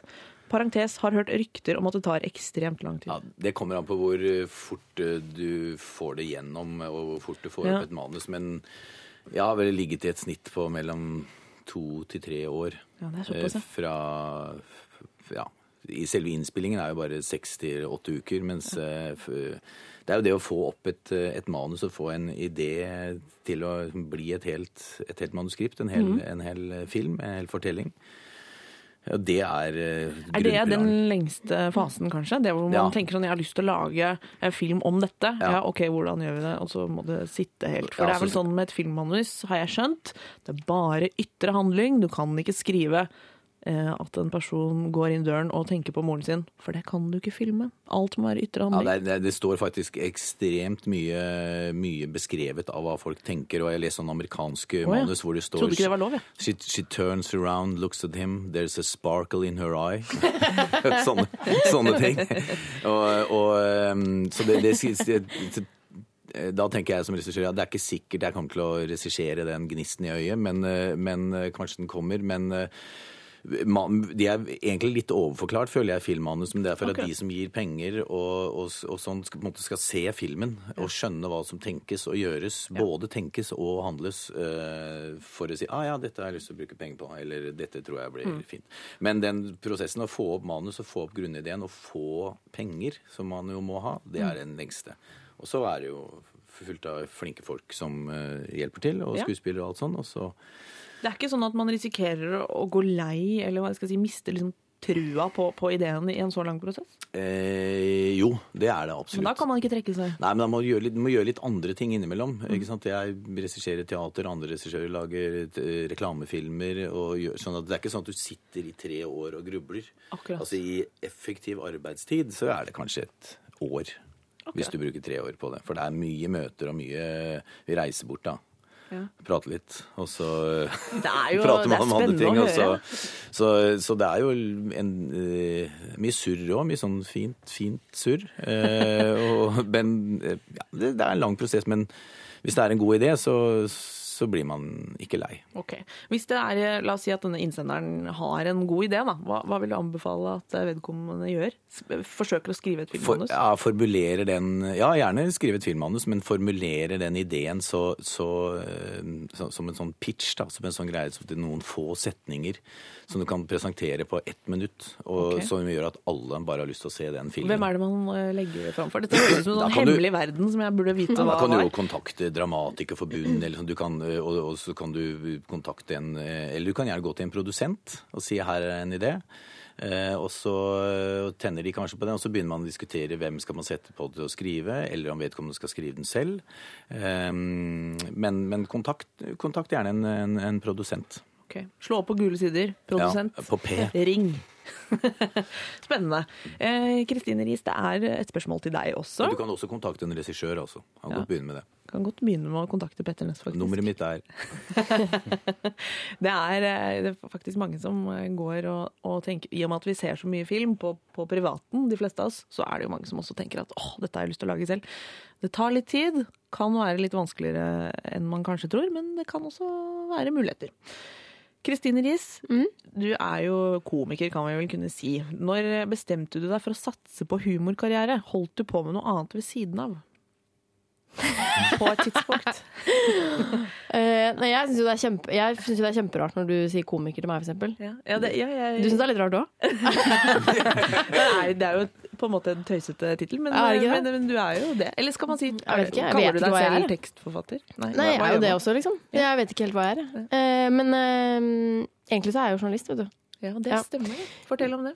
Nei, um, jeg eh, ah, jeg, Hva skal jeg si, liksom? Jeg hadde eh, det, jeg tror liksom ikke på tilfeldigheter, sånn at det bare sånn Og vops, så plutselig begynte jeg å jobbe liksom i P3. Jeg hadde Nei. jo jeg hadde jo jeg holdt på med revy, masse sånn uh, tullefjas og sketsjer og sånn. Jeg syntes det var veldig gøy. Og så um, Men så utdanna jeg meg liksom til journalist først, da. Ja. Du tok noen sånne streite Ja, noen streite valg. Um, men jeg hadde jo egentlig bare lyst til å drive med fjas, og det visste jeg jo. Ja. Så har jeg liksom drevet med, med sånne ting hele veien. da. Mm. Med tull og sånn. Jeg har ikke drevet med noe annet ved siden av. Det kan Nei. jeg vel ikke si. Du, ikke, du ikke, sitter ikke her og er ferdigutdannet eh, advokat uten at vi vet det. Åh, det er veldig fristende å si ja. Men jeg har hatt sånne perioder, husker jeg, om sommeren og sånn. Der får jeg alltid mye ville ideer om hva jeg egentlig har lyst til å drive med og sånn. Da husker jeg for sånn fem år siden, så var jeg, liksom, da var jeg skikkelig nærme å bare søke veterinærstudiet. Akkurat. tenkte jeg sånn, for jeg er jo så glad i dyr. Ja. Jeg elsker jo dyr. Det er jo det jeg Hvorfor, det er, hvorfor gjorde jeg aldri det? Så jeg kan liksom få sånne innfall med andre ting jeg har lyst til å drive med. Men jeg, men jeg driver jo med liksom humor på en eller annen måte. Om jeg skriver eller gjør det selv eller ja. Men er det ikke stor forskjell på å være glad i dyr og skjære i dyr? Jo, det var akkurat det. For jeg tenkte Jeg husker jeg var på, på Veterinærhøgskolen uh, med en hund, og så uh, åpnet døren, og så var det en veterinær som ropte inn sånn Kan vi kastrere en gris i dag? Og da tenkte jeg sånn Å, gud. Det er mye ved den jobben Ikke her for som min skyld. Nei, jeg vil ikke se på, faen. Men da tenkte jeg sånn, nei, det kan jeg ikke gjøre. Du må dra klumper ut av eh, ja, men det, Du må ut være av mye rumpa oppi til katten. tarm, tror jeg. Det er mye tarm. Æsj. Ja. Det er ikke noe for meg. Mer tarm enn pels. Men det var en tanke. Det var en tanke. Lørdagsrådet. Ah, For en fest vi hadde her nå et lite øyeblikk. 'Insane in the Brain', eh, Cypress Hill. En låt som burde vekket flere minner enn den gjør. Det er, alt er egentlig bare litt sånn blurry, men det har vært mye moro til den låta, har vi slått fast her i, i Lørdagsrådet. Eh, Du lytter, som du skjønner, til Lørdagsrådet her på P3. Jeg heter Benedicte Wessel Holst, eh, og vi har en mann her som skriver til oss. Jeg har en idé til et nettshow. Kan dere gi noen råd på hva som skal til for å få et show som får suksess? Hvordan går man fram? Hvordan kan man få pengestøtte til å lage det, osv.? Eh, Magnus eh, Devold fra VGTV-serien eh, Norges beste fest. Dette bør jo kanskje du kunne svare på? Har du noen tips? Ja, jeg har vel noen tips eh, om det. Det er vel bare å Og det er jo ofte så lager jo ikke, i hvert fall sånn som VGTV, lager jo ikke ting selv. De kjøper det jo fra produksjonsselskaper. Så da er det jo å gå til, som Petter var inne på i stad med film, gå til en produsent Okay. eller et produksjonsselskap og si at man har en eh, Jeg, jeg vet ikke hva det er. Hva er, det, liksom? hva er et produksjonsselskap, da? Det er de som eh, lager TV, Ok. for å si det kjempeenkelt. Ja, men du vet liksom alltid når du har sett en, eh, et eller annet program på TV, så kommer det sånn Monster. Ja. Produksjonsselskap. Eller NRK. Eller NRK. NRK. Ja, så det er ikke sånn at TV 2 og NRK til Norge driver og lager masse greier eh, i de store bygningene sine. De henter altså innhold fra, fra små, små selskaper. Sånn å forstå. Ja. Så gå til, gå til de og s- fortell om ideen din. Kanskje, kanskje spille inn film noe. Ja, Hvis han har kommet så langt i prosessen. noe. Hvis du har eh, mer enn en idé. Og bare tenk at du må jobbe litt med ideen først. Mm. Og kanskje Jeg ville anbefalt og det er jo Nett-TV er jo så ofte enkelt og greit. Eller på en måte det er så low budget og eh, man kan gjøre litt sånn hva man vil. Så bare, la, bare film kanskje en episode. Sånn bare kladd en episode, på en måte. Ja. Og så vis det til de. Og det er jo kjempebra det du holder på å lage. Så det kommer til å gå fint hvis du bare gjør det. Ja, det er en god tanke. Eh, altså, lag en, lag en kladd, ja. Eh, og så går du til et av disse produksjonsselskapene. Kan man gå direkte altså, Kunne man gått direkte til, til VGTV, for eksempel? Det kan, det ka- kan hende. Ja. Det kan jo hende, det også. Er, det så, er det sånn at Men mye du- starter med en mail, eller er det sånn i dagens samfunn? Ja, ja. Kaffe, en øl. Ja, en kaffe eller en øl, ja. Ja. Eller en tur i fjellet, som vi var inne på Ja. i stad. Mange muligheter der. Eh, Er det sånn, hvordan, får man pengestøtte til å lage det osv.? spør han om. Er det ja, det er jo de som må gi, det er de som må gi deg det ofte. Ja, fordi hvis jeg da hadde en god eh, idé til et nettshow, så hadde jeg da presentert ideen min eh, for en innholdsprodusent. Og hvis de sa dette syns vi er gøy, dette har vi lyst til å lage, da er det de som, som går i gang med å lage det og, og tar den økonomibiten. Ja, eller det er vel de som på en måte Det er jo sikkert litt forskjellig fra gang til gang. Jeg er jo ganske fersk i, i det gamet her, jeg også. Ja. Men eh, det er vel ofte sånn at Hvordan gjorde du det, Magnus? jeg ble headhuntet. Oi. Er ikke det hyggelig? Headhunted, det er deilig å kunne si det, da. Fint skal det være. Åh, det var godt å få sagt det. Du kan bli headhunta òg, da. Kan, du kan du kan bare sette deg på en benk og bli headhunta. Du kan sette deg på en benk, prøve å se så kul ut som mulig, og håpe at noen prikker deg på skulderen og sier de vil ha deg. Ja. Um, ja. Eh, ta noen runder, ja. Pengestøtte, er det litt sånn tidlig å begynne å tenke på det? Er det ikke litt sånn at man skal bare prøve å lage noe som er så bra som mulig, så spisset som mulig, før man presenterer det for noen, og så ser man hva som skjer? Ja, det er som Magnus sier, at du, Ja. du må komme med ideen, presentere det til en produsent, og så vet de hvor man kan eventuelt eh, hente inn penger Ja. til en, Ja. det Det er altså mange involverte i å lage Når man lager underholdning. Det er uh... Egentlig så er det på mange måter som når man var litt yngre og bodde hjemme. Ja. Og så måtte man pitche inn hvorfor man trengte nye sko, for Mm. Ja. Og så sier eh, pappa da liksom at eh, OK, ja, men det høres fornuftig ut. Her skal du få penger. ja. Det er Så kjøper du deg nye sesongskifte. sko. Du trenger det for Ja. å se bra ut på skolen. Ja, jeg Må ha gode argumenter. Kanskje de skoene må være litt fine. Kanskje pappa også må synes at de er fine. At ikke bare Kanskje du til og med skal være med ut og kjøpe dem. Kanskje han til og med skal det. Jeg eh, føler at denne innsenderen har fått gode tips og råd om eh, hvordan man eh, går videre med et eh, show som skal bli en suksess. Eh, Send oss gjerne flere ting. Eh, lralfakrøll.nrk.no. Jeg, jeg gjentar det og gjentar det. Og nå skal vi høre på en av de beste låtene som fins akkurat nå. Susanne Sundfør og White Foxes. Lørdagsrådet Islands med Casadores, og før det var det Susanne Sundfør med sine White Foxes. Hei, Lørdagsrådet. Jeg er en gutt på 26 som for tiden bor i Canada på utveksling eh, i forbindelse med studier hjemme i Norge, og skal nå snart hjem igjen. Før jeg kom hit var planen å ha det gøy, leve livet, prøve nye ting og komme meg litt bort fra en kjedelig tilværelse hjemme i Norge. Jeg har storkost meg her borte, og det ble også til at jeg dro på et par dater eh, for moro skyld. En av guttene jeg datet, likte jeg veldig godt, eh, og vi har vært sammen siden.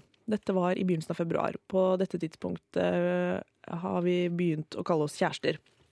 Nå er det altså på tide å dra hjem igjen, og det store spørsmålet er hva vi skal gjøre videre. Etter en evighet som smådeprimert og singel hjemme i Norge har jeg ikke lyst til å avslutte forholdet, men samtidig er det utrolig langt mellom Norge og Canada. Siden vi bare har vært sammen i tre måneder, blir hele greia litt merkelig. Bør jeg pakke sakene og flytte til Canada for å se hvordan det går, selv om vi bare har vært sammen i så kort tid? Jeg liker han utrolig godt, og jeg tror helt klart at dette, at dette er et forhold som kan fungere bra. Hva skal jeg gjøre? Hilsen evig singel? Spørsmålstegn. Altså, her er det en 26 år gammel homofil eh, mann som har funnet kjærligheten. Riktignok i et lang, langt, langt vekk, men hva gjør man i en slik situasjon? Eh, Jeg syns han skal bli. Eh, Yes! Å, jeg er så glad for å høre det. Jeg er også Filmregissøren eh, vil selvfølgelig ja, altså, det, det syns jeg, for jeg mener i et eh, sånn større perspektiv Jeg vet ikke hva han må hjem til, hvorfor han må, må reise hjem. Mulig du sa det, jeg ikke fikk det med meg. Men Nei, det er vel um, Avsluttende studier, eller?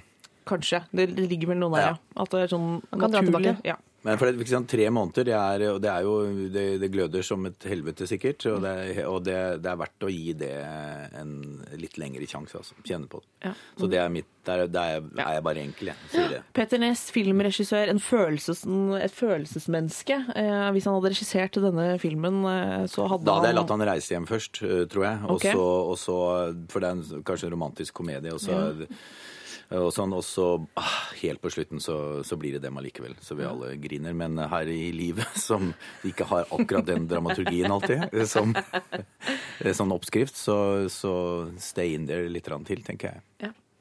Eller så lenge som mulig. I så lenge som mulig, ja. For han, har jo, han sier jo at det går veldig bra. Og tre, tre måneder inn i et forhold, da, da er det jo veldig vanskelig å slippe det når det er Ja, eh, det høres helt jævlig ut. Ja, Det høres helt umulig ut. ja, Kristine Ri- Riis, du, du er enig med Petter Ness her? Ja, jeg, jeg er det, altså.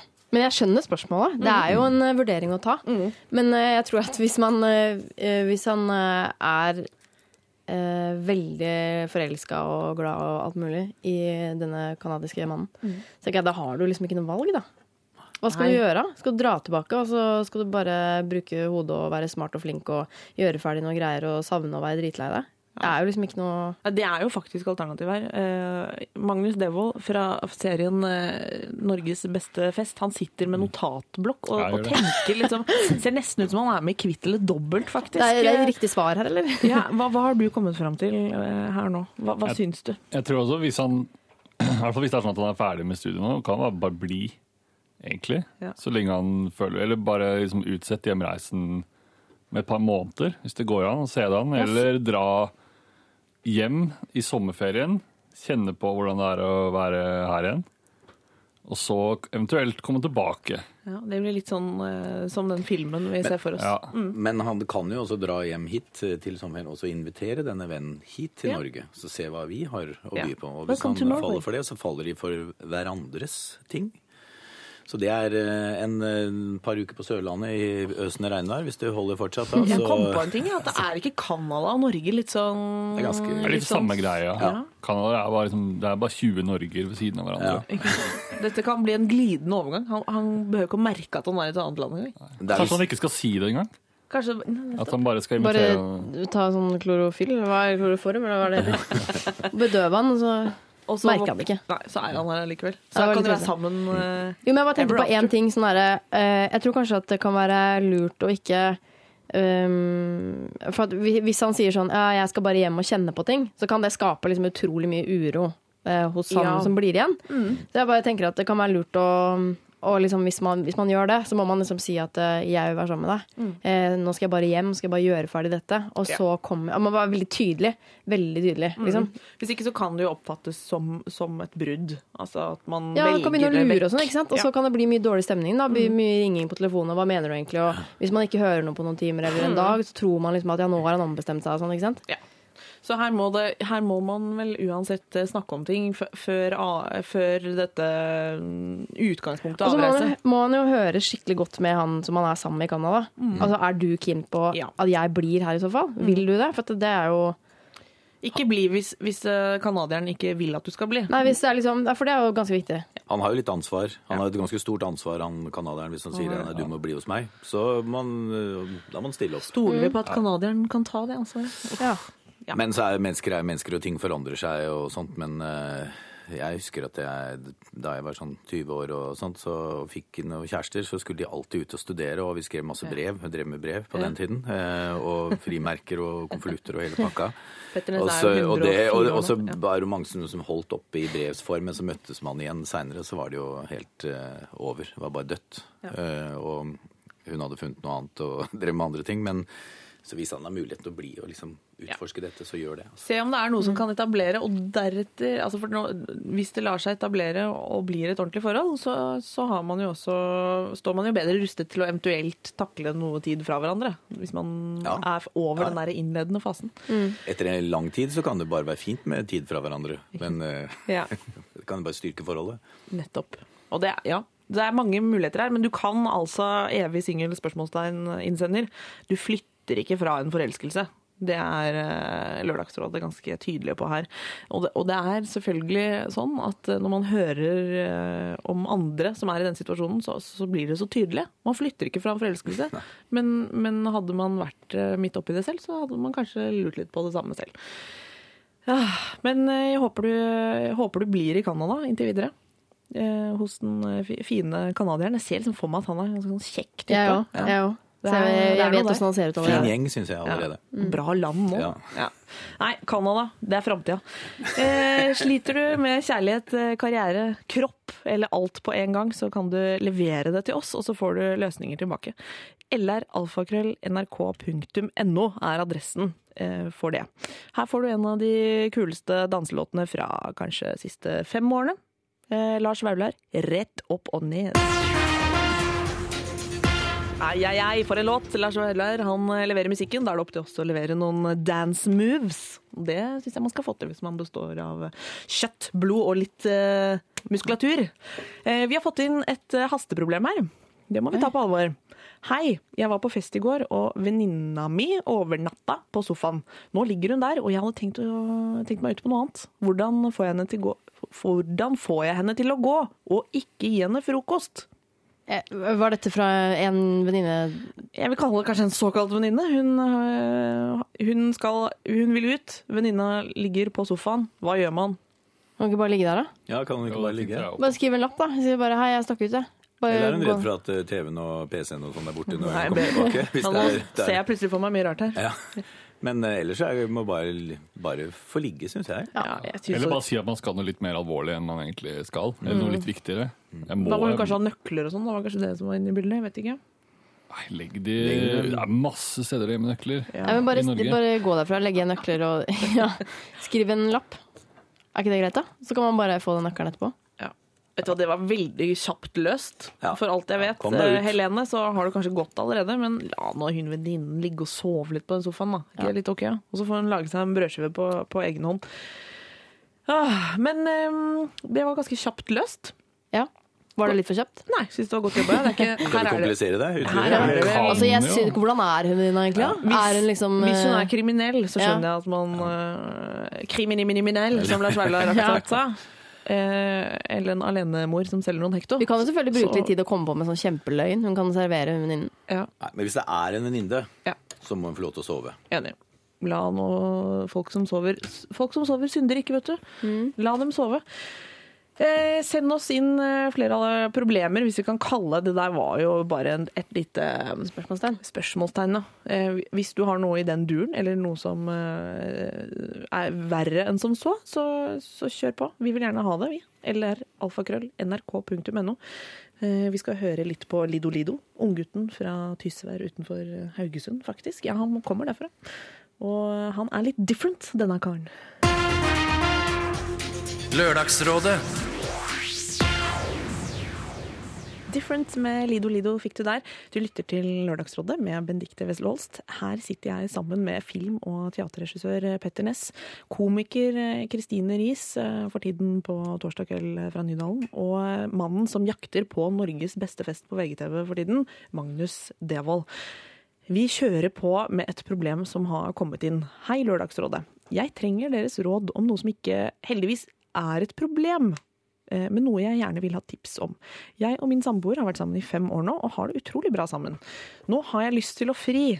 Har dere noen tips til dette? Han er en veldig jordnær type som ikke ville like noe ekstravagant, men vil gjerne gjøre noe litt spesielt uten at det virker overplanlagt og unaturlig.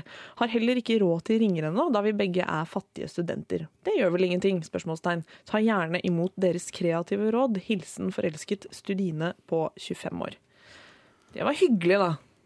Det er altså en kvinne som vil Ikke noe respons det er altså en kvinne som vil fri, og jeg kan mm. rapportere fra studio om at eh, det er veldig sånn samvittighetsfullt eh, rådgiverpanel. De sitter og noterer mens jeg leser, Ja, ja. Og, og, og liksom gjør seg refleksjoner underveis. Dette, dette tas ikke lett på.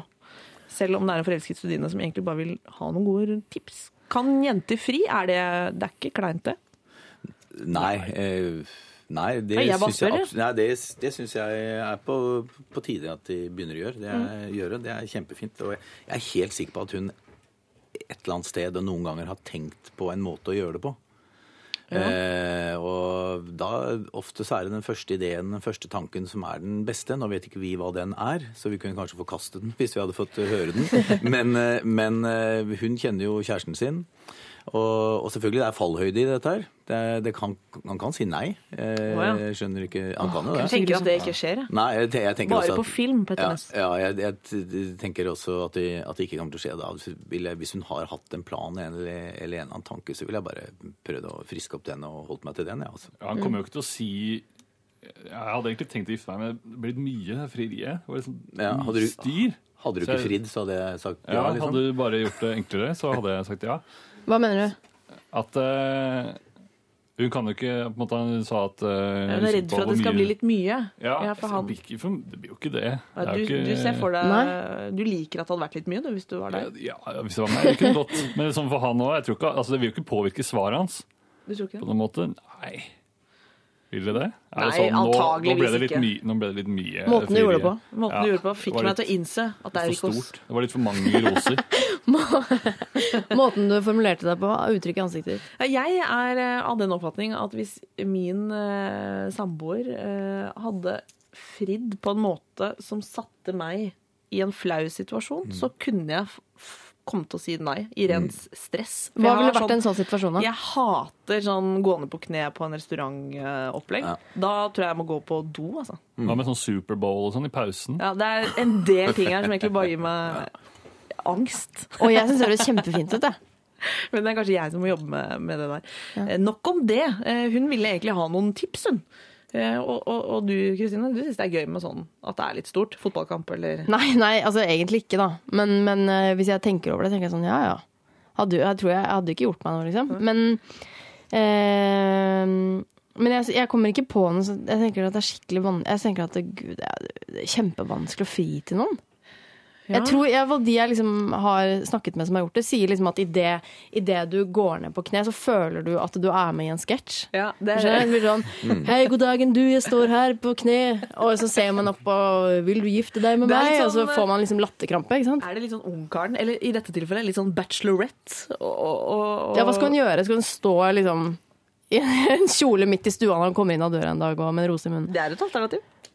Nei, men går det, uh, vi, vi tenker at det skal være litt romantisk òg. Ja. Jeg vet at det er noen som bare over skal over sånn Skal ikke bare gifte oss, da? Ja, Det er kanskje litt for low-key, eller? Ja, er det ikke det? Eh, Det skal ikke være overplanlagt og unaturlig, men kanskje de har en, noe de liker å gjøre sammen, eller noe han er spesielt glad i. Kanskje sånn, de fleste gutter har et yndlingsband, eh, et fotballag de følger med på. Kunne man gjort noe rundt det? Altså Ja, man, men er det, tror du, Jeg bare spør dere som er menn. Er det sånn at menn liker å bli fridd til på samme måte som damer ville likt? Altså de liker at det er romantisk og at det er Ja, ja det, det tror jeg. Altså, Romantikken tror jeg liksom ikke går helt uh, av moten. Men, jeg, men uh, jeg vil egentlig bare si det samme som jeg sa i sted. Hun kjenner jo sikkert kjæresten sin og har sikkert hatt en tanke om hvordan, hvordan dette kan foregå. Og det er vanskelig å liksom drive og påstå at det skal gjøres enten på Superbowl eller på en restaurant. Og, Men jeg, jeg er helt enig i det at hvis man setter kjæresten i en situasjon hvor, blir, hvor vedkommende blir flau ja. det man bare Hvis han er en sjenert fyr, så ikke,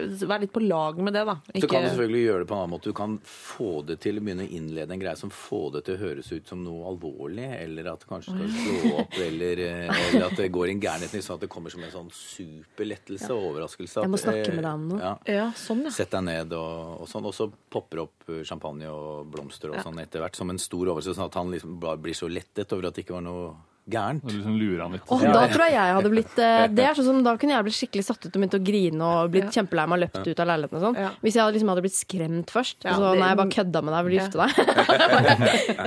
Det Ja, er, det det er er en freaky ting å gjøre. Men det er Nei, åh, frieri, altså. Det er jo veldig spennende, og vi har sett det så mange ganger på, på film og TV, og det ser jo sabla artig ut, da, for de som er involvert. Ja. Men, men gjør nå noe som, eh, som er litt på lag med det han er. Og, og siden du har lyst til å fri, så antar jeg at dere kanskje har snakket litt om, eh, om det. Eh, Jeg vet at noen menn der ute føler litt på at det er deres oppgave å fri. Så, så, så sonder terrenget hvis du Jeg vil advare deg litt mot å liksom ta Ta det fra han hvis dere har snakket om at det er noe han har lyst til. Det syns jeg man skal være litt obs på. Samtidig så er jeg jo 100% tilhenger av at eh, kvinner gjør det de har lyst til. Så kjør på. For det blir litt dumt å spørre hvem av oss syns du skal fri. Nei, men Hvis man har vært sammen i fem år, så har man jo snakket om ganske mye forskjellig. Og da kan du, jo, hvis han i, har sagt ved en eller annen anledning at sånn, nei, jenter som frir er ikke helt min greie, det har jeg lyst til å gjøre, ja, da syns jeg man skal på en måte kanskje Det er veldig gøy hvis hun nå i det du sa det, kommer på at det har han sagt klart og tydelig flere ganger. Ja, da forelsket studine, da, da vil jeg overlate oppgaven til han. Men uh, utover det, så Men er det, kan jeg spørre en ting, er det vanlig å snakke liksom, om det før man gjør det? Er ikke det å ta litt lurven av det? Hvis man driver sånn og Det jeg også Det kommer an på hvor lenge man har vært sammen. Og Ja. man har nok toucha inn på det. Og, og sikkert begynt å snakke om barn en gang. Og skal vi, er det viktigst å få Ja, barn først, eller er det viktigst å gifte seg? Mm. Og sånne ting. Ja, ja, ja. Det har vært noen, noen prater der, vet du. Ja. ja, nei, men det er jo bare kjempehyggelig, det. Lykke til med, med frieri. Eh, åh, det hadde vært hyggelig å få høre en eh, oppdatering på Hvis du hører på nå, Forelsket Sudine25, så vil vi veldig gjerne høre hvordan du løste oppgaven, og, og hvordan det gikk. Ja, ikke minst det. Eh, ikke minst det. Vi antar jo sånn, sånn rent statistisk, så, så sier han jo ja. Men vi vil gjerne vite hvordan, hvordan du gjorde det, hvordan han så ut, hva du hadde på deg, Ja. om det ble Grining. grining og, og, og store følelser. Åh, jeg vil høre. Men det er vel ikke sånn at man nå må be om Før så var det som tidligere at man må liksom spørre foreldrene. Nei, er det kan du hoppe over, ass. Det er forbi. Ja. Ja, fint. Er ikke det greit, da? Det trenger du ikke. Ja. Åh, vi skal høre på Veronica Maggio og 'Mitt hjerte bløder'. Lørdagsrådet. Det var eh, Veronica Maggio med et blødende hjerte. Du lytter til Lørdagsrådet og Bendikte Benedicte Wessel Holst. Vi har fått inn faktisk, jeg sitter jo her, må jo si det, tre rådgivere er på plass. Det er eh, film- og teaterregissør eh, Petter Næss, det er komiker Kristine Riis, og det er mannen som søker etter Norges beste fest på VGTV, Magnus Devold. Eh, Og vi har fått inn her nå en skikkelig hastesak som jeg bare må ta, altså. Hei, Lørdagsrådet. Er Petter singel? Jeg, eh, hun, dette er altså en som har eh, skrudd på radioen akkurat nå. Eh, hvis han er singel, kan jeg få æren av å få en date med han? Spørsmålstegn. Eh, og vi kan jo bare slå fast eh, Vi kan høre hva hun sier. Jeg heter Laila, og jeg vil finne meg en kjæreste. Du må være en som fanger meg, har en sterk identitet, levende fantasi og kan dele eh, moderne, innholdsrike samtaler med meg. Jeg er en spennende og attraktiv, smart eh, jente. Jeg elsker dype samtaler om mennesker, men jeg trenger ikke være en av dem vi snakker om. Jeg er superlojal og kan gå i krigen med en mann som jeg kan stole på. Jeg trenger hele tiden påfyll av nye ideer, er leken og fantasifull og lett å forvandle med den rette mannen. Jeg er nøyaktig og disiplinert med et stort hjerte av gull, skriver hun. Og det var jo så fint skrevet, men eh, Laila, eh, Petter Ness er en lykkelig gift mann. Eh, det må vi kunne slå fast. Eh, det stemmer det, Petter? Ja, jeg er eh, godt gift, men det er jo, det er jo Man lar seg jo smigre. Ja, Og- det og vil jeg tro. Jeg syns det var veldig, veldig hyggelig, Laila. Det var Veldig hyggelig henvendelse. Men Ja. jeg er en godt gift mann med Ja. to barn og, og ting på stell. Så Men det betyr jo Og der altså, vi... byttet hun over til P4. Ja. Men uh, vi er jo her for å hjelpe, så hvis det er noen der ute nå som tenker at uh, fader, jeg vil jo møte Laila. Uh, hun er 48 år eh, og er klar for å møte mannen i sitt liv. Så hvis det var noen der ute som tenkte jeg er da like god som Petter Ness, jeg vil møte henne, ja da sender jeg en mail til lralfakrøll.nrk.no. Og de Så- kan jeg garantere at de fins. De som er De vel jo. så gode oh, ja. som Petter Ness. Jeg likte spesielt godt den setningen 'Jeg er lett å forvandle med den rette mannen'. Ja, det er spennende. Det var veldig fint. Ja. Kan jeg få mailadressen din? Sånn Magnus hvis- Devold vil møte deg. Ja. i tilfelle. Det kan vi fikse. Flott. Dette skal vi, ta på, dette skal vi fikse på, på bakrommet. Ah, det var hyggelig å høre fra Laila på 48. Vi går litt videre i sendingen, som vi, vi sier. Um, vi har em, tenk, Jeg har tenkt på en ting faktisk når jeg sitter her selv og, og har, dere, har kompetente rådgivere på plass. Så tenkte jeg å høre med dere. Vi, jo, vi har snakket litt om festing, det sosiale, alt vi driver med for å komme i kontakt med andre mennesker. Og så slo det meg her forleden at vi sitter jo veldig mye med mobilen hele tiden når vi er i sosiale sammenhenger. Er det sånn at den beste festen foregår på mobilen, eller? Folk tvitrer og instagrammer og oppdaterer, og noen ganger så sitter man og ikke og ser på hverandre engang. Var jeg veldig gammel nå? Nei. Nei, jeg, jeg er enda eldre der, egentlig. Men jeg- selv om jeg er helt avhengig av mobilen. Jeg Ja. bruker den hele tiden, og jeg blir stressa. Jeg klarer ikke å gå fra den på noen måte. Men det er jo dessverre et eksempel på at man tror at verden er et annet sted hele tiden. Og, og det er jo egentlig ekstremt uhøflig av folk man er sammen med, at man eh, delvis bare er til stede Ja, er og, er og lurer delvis? på om man skal dra et annet sted hvor det skjer noe annet som er mer spennende. og det Litt eh, trist utvikling. Det er deilig og fint å kunne bli nådd og liksom kunne være rask på ting, men akkurat i de der sosiale settingene skulle jeg ønske at eh, jeg også var flinkere til å legge fra meg mobilen. Mm. Ja, for dette gjelder jo oss alle. Jeg tok meg selv i det i en eh, sosial sammenheng i går, faktisk. Da var det fredag. Og det var kjempehyggelig. Og det var faktisk så hyggelig at jeg følte at det eskalerte litt med mobiler. For man måtte jo fortelle hvor hyggelig det var til eh, diverse folk. Og det skulle foreviges, og det skulle Det måtte jo ut, Det er litt rart det der. Hvis man uh, sitter sammen med noen hyggelige folk og spiser, så føler man at man må ta bilde av det og legge det ut. Så 'her er jeg'. Ja. Jeg vet ikke, Det behovet for å, Det holder ikke bare å ha det hyggelig. Man må liksom vise verden at man har Ja. det veldig hyggelig òg. Jeg kjenner noen ganger på at det føles som folk gjør ting fordi at da kan de sjekke inn der, eller da kan de ta bilde. At det er nesten sånn at det er det som er motivasjonen, da. Da Ja, kan du for vise selve på, på Facebook. Ja, jeg følte en periode at jeg var så øh, bundet av telefonen min at jeg tenkte at øh, nå skal jeg skru den av, og så skal jeg se hva som skjer. Begynte å, var, ble nesten litt sånn romantisk forhold til sånn gammel hustelefon. Tenkte sånn, kanskje jeg skal få det, for at de som vil ha tak i meg, får jo tak i meg på mail eller Ja. et eller annet sånt. Så skrudde jeg den av i et døgn.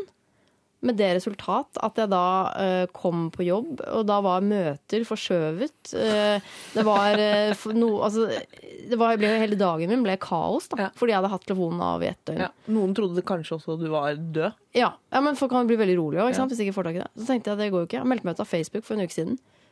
Gikk ikke det heller. Meldte meg inn igjen. Å, du meldte deg inn igjen. Ja, Gikk vel en ukes tid. Hvorfor måtte, måtte du på igjen? Nei, det var, Folk snakka så mye om ting som hadde skjedd der og sånn. Ja. Eh, Ja, det er så enkelt. det er så enkelt som det. Men også sånn at man, eh, eh, at man har fått noen mails og sånn som man ikke fikk svar på og virka uhøflig og sånn. Ja. Det er jo en litt sånn ond sirkel der. Jeg så en komiker eh, Åh, det var en, en, han var en sint amerikansk eh, type. Og han mente, når han holdt show og han så, eller var på konserter og folk sto med mobilene mm. oppe, så hva, hva var det han kalte dem? You fucking tourists of life! Ja, At du er er der, men du filmer det samtidig. Ja. Men det er sånn uh, for eksempel Det er ikke der ordentlig, på en måte. Det er liksom, men det er, det er faktisk litt sånn dumt, for at i sommer tenkte jeg sånn, jøss, skal jeg gå Besseggen? Det har jeg aldri gjort før. Og så gikk jeg inn på YouTube, Ja. og der lå det jo bare 100 videoer av Besseggen. tenkte jeg sånn, nei, nå har jeg jo vært der. Jeg kan jo ikke dra dit. Altså, Man må ikke gå inn og se ganske på ting. Det er høyt, ja. Men jeg kan anbefale, da jeg gikk for en uke siden, så gikk jeg en uke fra hytte til hytte til hytte i Jotunheimen. Og da var det tre døgn uten dekning. Er det rett og slett ikke dekning der? Hvordan var det? Det, det var jo utrolig stressende til å begynne med. Og vi gikk og sjekket hele tiden, men etter halvannet døgn så fy fader, så deilig det er. Utrolig. For de kan ikke få tak i oss. Det er en grunn til at vi ikke ringer tilbake. Vi er uoppnåelige Ja. i et øyeblikk. Og i det tre døgn. Og så eh, var det selvfølgelig trist at det bare var fire meldinger på eh, SMS. Etter, eh, men eh, det, det kan jeg rett og slett anbefale. Å Bare vite, gå noen områder der hvor du vet at her er ikke dekning. I hvert fall ikke på nettkom. Altså, jeg har det litt sånn der jeg bor, jeg har dårlig dekning. Det er mange som har det inne, inne i huset sitt. Ja, ja, det. Kanskje det er det beste. Kjøpe seg en leilighet med sånn kjempetjukke vegger. Sånn at du er, når du har gått hjem fra jobb, så er du helt uh, offline. Det hadde vært noe. Den beste festen foregår altså i stor grad på mobilen. Kanskje det er noe å tenke på å, å lage noen sånne regler for en selv. Altså, nå spiser vi middag, ikke noen mobiler, f.eks. Det er noen som har en sånn, der regel, eller sånn greie om at de alle legger mobilene sine opp ned på bordet. Og så er det første som snur den, må betale lunsj oh, eller middag. Det er en god tanke. Det er noe jeg aldri har gjort, men jeg har hatt veldig lyst til det. Ja. Jeg har ikke turt å foreslå det. Så er det jo veldig Det- trist da, hvis du arrangerer en fest, da, som Ja. du driver og går mye på. Ja. Eh, Så og invitert folk, kanskje er mat, og du har liksom lagt Ja. deg litt i selen for at det skal være ålreit, og så driver de og sjekker om det skjer noe morsommere et Ja, annet det sted. er ikke Det lov, kan være at de altså. bare tar bilder av maten din og Ja. ut. Det kan ikke min mat, De tror jeg, men eh, andres. Instagram, hvis dere har hørt om det, du som, eller hvis du har hørt om det, du som sitter og hører på. Det er rett og slett eh, Det er blog moments på løpende bånd. Her er jeg, dette spiser jeg, dette har jeg på meg. Denne personen er her. Kan jeg spørre om ting? Er det bare at bildene blir litt finere? Ja. Ja. Så all mat for eksempel ser jo god ut Ja, på alle ser litt uansett. penere ut. Alle blir litt penere. Ja. Ja. Det er jo lett å bli, bli fanget av sånt. Hvem vil ikke det, sier, sier nå jeg. Ja, det, La mobilen hvile litt, da, men ikke altfor lenge, for det kan jo hende du vil sende oss en SMS. Og, og da er det P3 til 1987. Og så kan du drøfte, greie ut og sende inn eh, via mail. Og det er lralfakrøll.nrk.no. Her kommer Adele med 'Set Fire to the Rain'. Lørdagsrådet. Oslo S og låta Caroline. Før det så var det voldsomme og velspilte Adele med 'Set Fire to the Rain'. Vi har fått inn et eh, absolutt et problem her fra en ganske ung lytter.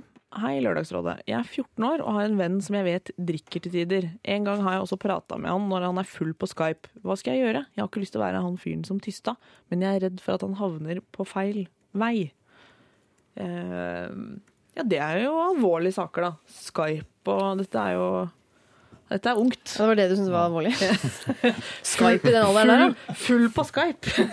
Greit. Jeg, jeg, jeg syns jo Skype er litt. Skype er litt skummelt, også.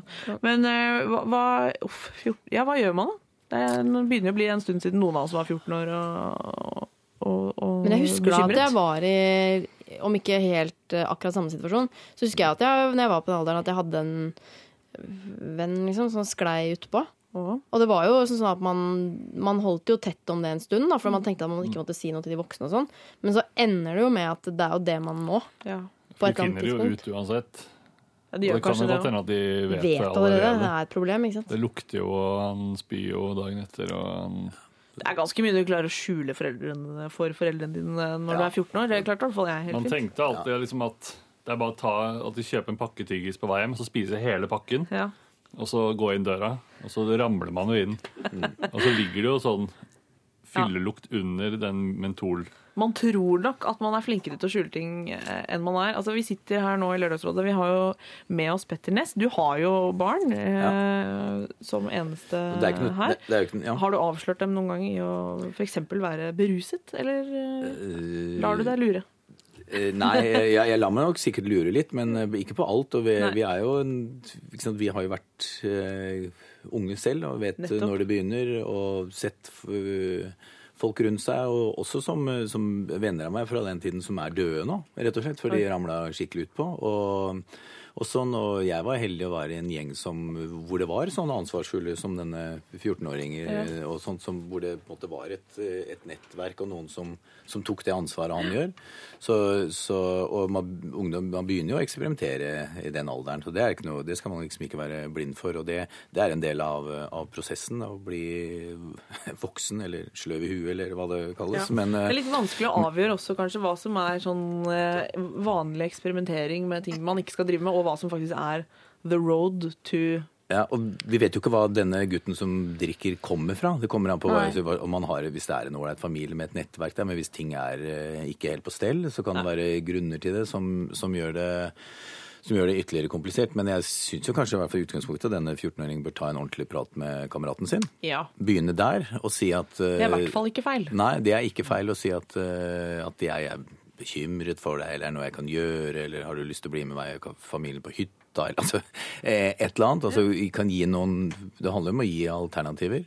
Samtidig som man ja. Det, og, og ungdommer i den alderen, man er jo på, på forskjellige nivåer i forskjellige gjenger og sånt. Men, Men begynn, med å ta en prat med ham. Ja, det er et godt utgangspunkt. Men jeg husker da jeg var 14 år, så var jo venner var jo på en måte den nye familien. Altså Man var sånn ekstremt opptatt av vennene sine. Mm. Og, og det var egentlig alt i hvert fall jeg brydde meg om i den fasen.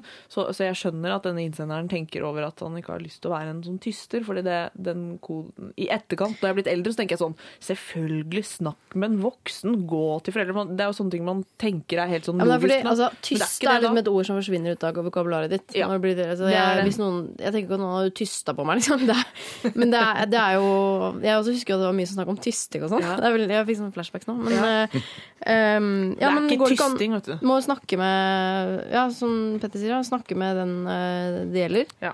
Og så hvis liksom det ikke hjelper, så kanskje man kan snakke hvis man er en gjeng, om det er noen flere venner som kanskje har noen lignende opplevelser, uten at det blir baksnakking. Da. Men Ja. at det, det er at man bryr seg. Mm. Ja, det er eh, Gjerne få med flere òg, sånn at man ikke blir han kjipe. Ja, Men så tenker jeg Det 14-åringer skal vel kanskje ikke ha en intervention alene. Nei, Ja, det- det er veldig ungt. Ja, jeg, jeg syns ikke det er så gærent å si at man må snakke med en voksen som, som man syns er ålreit. da. Om det er ens egne foreldre, eller om det er en annen trener, eller hvem det er. liksom. Ja. Tenk på altså, at du, Enten kan du gå til en, noen på skolen uh, og si fra. En voksen på skolen. Ja. Eh, eller en lærer. Nå syns jeg lærere har litt for mye av ansvar for barns oppdragelse. Men du kan kanskje snakke med de, hvis du har bra foreldre selv, kan du snakke med dem om det. Og så kan de ta det opp på et eh, eventuelt voksent nivå. Og så bør det ikke nødvendigvis komme fra denne 14-åringen, men fra, fra, fra de foreldre. Ja, for jeg mener at Hvis en 14-åring hadde kommet til meg og fortalt dette her til meg, Ja. så hadde jeg tenkt at det var bra at du gjorde, for du er 14 år, du skal ikke ha det ansvaret her. Mm. Jeg kan ta det, for at jeg klarer det. på en måte. Det er viktig. Så, Så- ikke sitt og det var, det var et godt uh, innspill å sende det til oss her i Lørdagsrådet, faktisk. Men vi, vi vil jo at du skal eh, eh, både i første omgang, helt ufarlig, snakke med kompisen din og si at du er litt bekymra. Og uh, i, ikke egentlig stoppe der, men også snakke med en, en voksen person. Er det ikke det man sier? Men hvis du da har snakket med vennen din først, Ja, at du er er bekymra? Var det dumt? Og så gjør ikke han noe med det, og så begynner du å snakke med foreldrene dine, og så går du til hans foreldre. Da er det ikke noe tvil om hvor det kommer fra. Nei, ja, det var kanskje ikke så lurt. da. Så. Nei. eh, så kanskje man rett og slett skal snakke med en, eh, snakke med en voksen hvis man har et Ja. bra forhold til foreldrene sine, og Ja. har tillit til dem, og, sier at, eh, og de skjønner jo hvilket dilemma deres 14-åring er i når de blåser en sånn hemmelighet. Mm. Det, er ikke noe, det er jo ikke noe kult å gå og vite en sånn ting alene, i hvert fall. Enig. Det, dette må, må ut på et vis. Så får vi håpe at, eh, at det går bra med han eh, kompisen også, da. Ja. Det var litt uh, liten alvorsprat eh, fra, fra Lørdagsrådet der, eh, faktisk. Det må, det må vi ha. Det er jo Problemet kan komme på ta så mange ulike former, så vi måtte innom dette også. Eh, vi skal høre litt på Unintended med Muse. Det var Unintended med Muse. Vi har nådd det punktet i sendingen som mange kanskje vil definere som et høydepunkt. Eh, Det er der vi skal dele ut T-skjorte. Dele T-skjorte. skulle si det er da vi skal runde av og avslutte, og gi luft over til den andre. Ikke helt ennå, men det er, det, er ikke, det er eh, også på plakaten. Men eh, å dele ut T-skjorte, det er noe man driver med i radio, føler jeg. Det, Ja, Det er holder med T-skjorte på radio. Ja, det gjør det. Eh, og vi skal eh, finne ut hvem av eh, de som har sendt inn problemer, som fortjener den mest, eller som kanskje har størst effekt av å gå med et sånt eh, signalplagg som en Lørdagsrådet-T-skjorte er. Da skal jeg høre med panelet som hos meg sitter. Altså, hvem skal vi gi T-skjorta til? Jeg skal oppsummere. Er det hun som vil studere og bidra i samfunnet, men lurer på hvordan? Eh, hva med hun som er fet, men eh, fattet? Innsenderen med dårlig familiekommunikasjon, han som har funnet drømmemannen i Canada f.eks., eh, har vi vært innom. Eh, skal vi se, hva mer har vi? Laila på 48. Laila på 48 var innom. Uh, hun hadde jo egentlig lyst til å dra på date med Petter Ness. Det, det fikk hun jo ikke, men hun kunne kanskje hatt en T-skjorte istedenfor. Eh, Så var det hun som skulle fri, da. og Ja. ikke minst hun som, hun som skal fri, egentlig. Jeg håper hun ikke har, har slått fra seg tanken. Hva syns dere? Jeg er litt på han Canada-kjærestegutten. Ja, den homofile forelskede som egentlig skal hjem til Norge, men har funnet eh, kjærligheten i Canada. Ja. For et dilemma han har. Mm. Kanskje Jeg T-skjorten kan hjelpe han. Ja, det er bra. Det er flere kvalifiserte her. Altså, men jeg er litt, faktisk litt på han siste, jeg. Han 14-åringen. Ja, han som vi nettopp eh, var innom. Enten han eller hun første som ville bli agroøkolog. økolog? Som, som ville yte noe til samfunnet. Men jeg, jeg lurer kanskje på å holde en knapp på han siste, ja, som har begynt tidlig i livet å engasjere seg i mennesker rundt seg. Det er jo egentlig noe som bør belønnes. Skal vi gi han unge, han, vår yngste lytter Ja. eh, i dag, skal vi gi han en T-skjorte? Det er lov å protestere. Det er fint, altså. det. Jeg tenker jo litt på fet, fet men fattet òg. Jeg har ikke glemt deg, fet men fattet. Nei, hun er ikke glemt. Jeg altså. eh, sender noen varme tanker dit, men jeg er enig i at eh, 14 14-åringen Ja, vet du hva? Han, eh, han vant eh, T-skjorta i dag. Eh, han skal gå med den, og håper at alt ordner seg som, eh, med- med kompisen også. Du hører nå en podkast fra NRK P3. Hent flere podkaster fra NRK på nettsiden nrk.no podkast. NRK P3.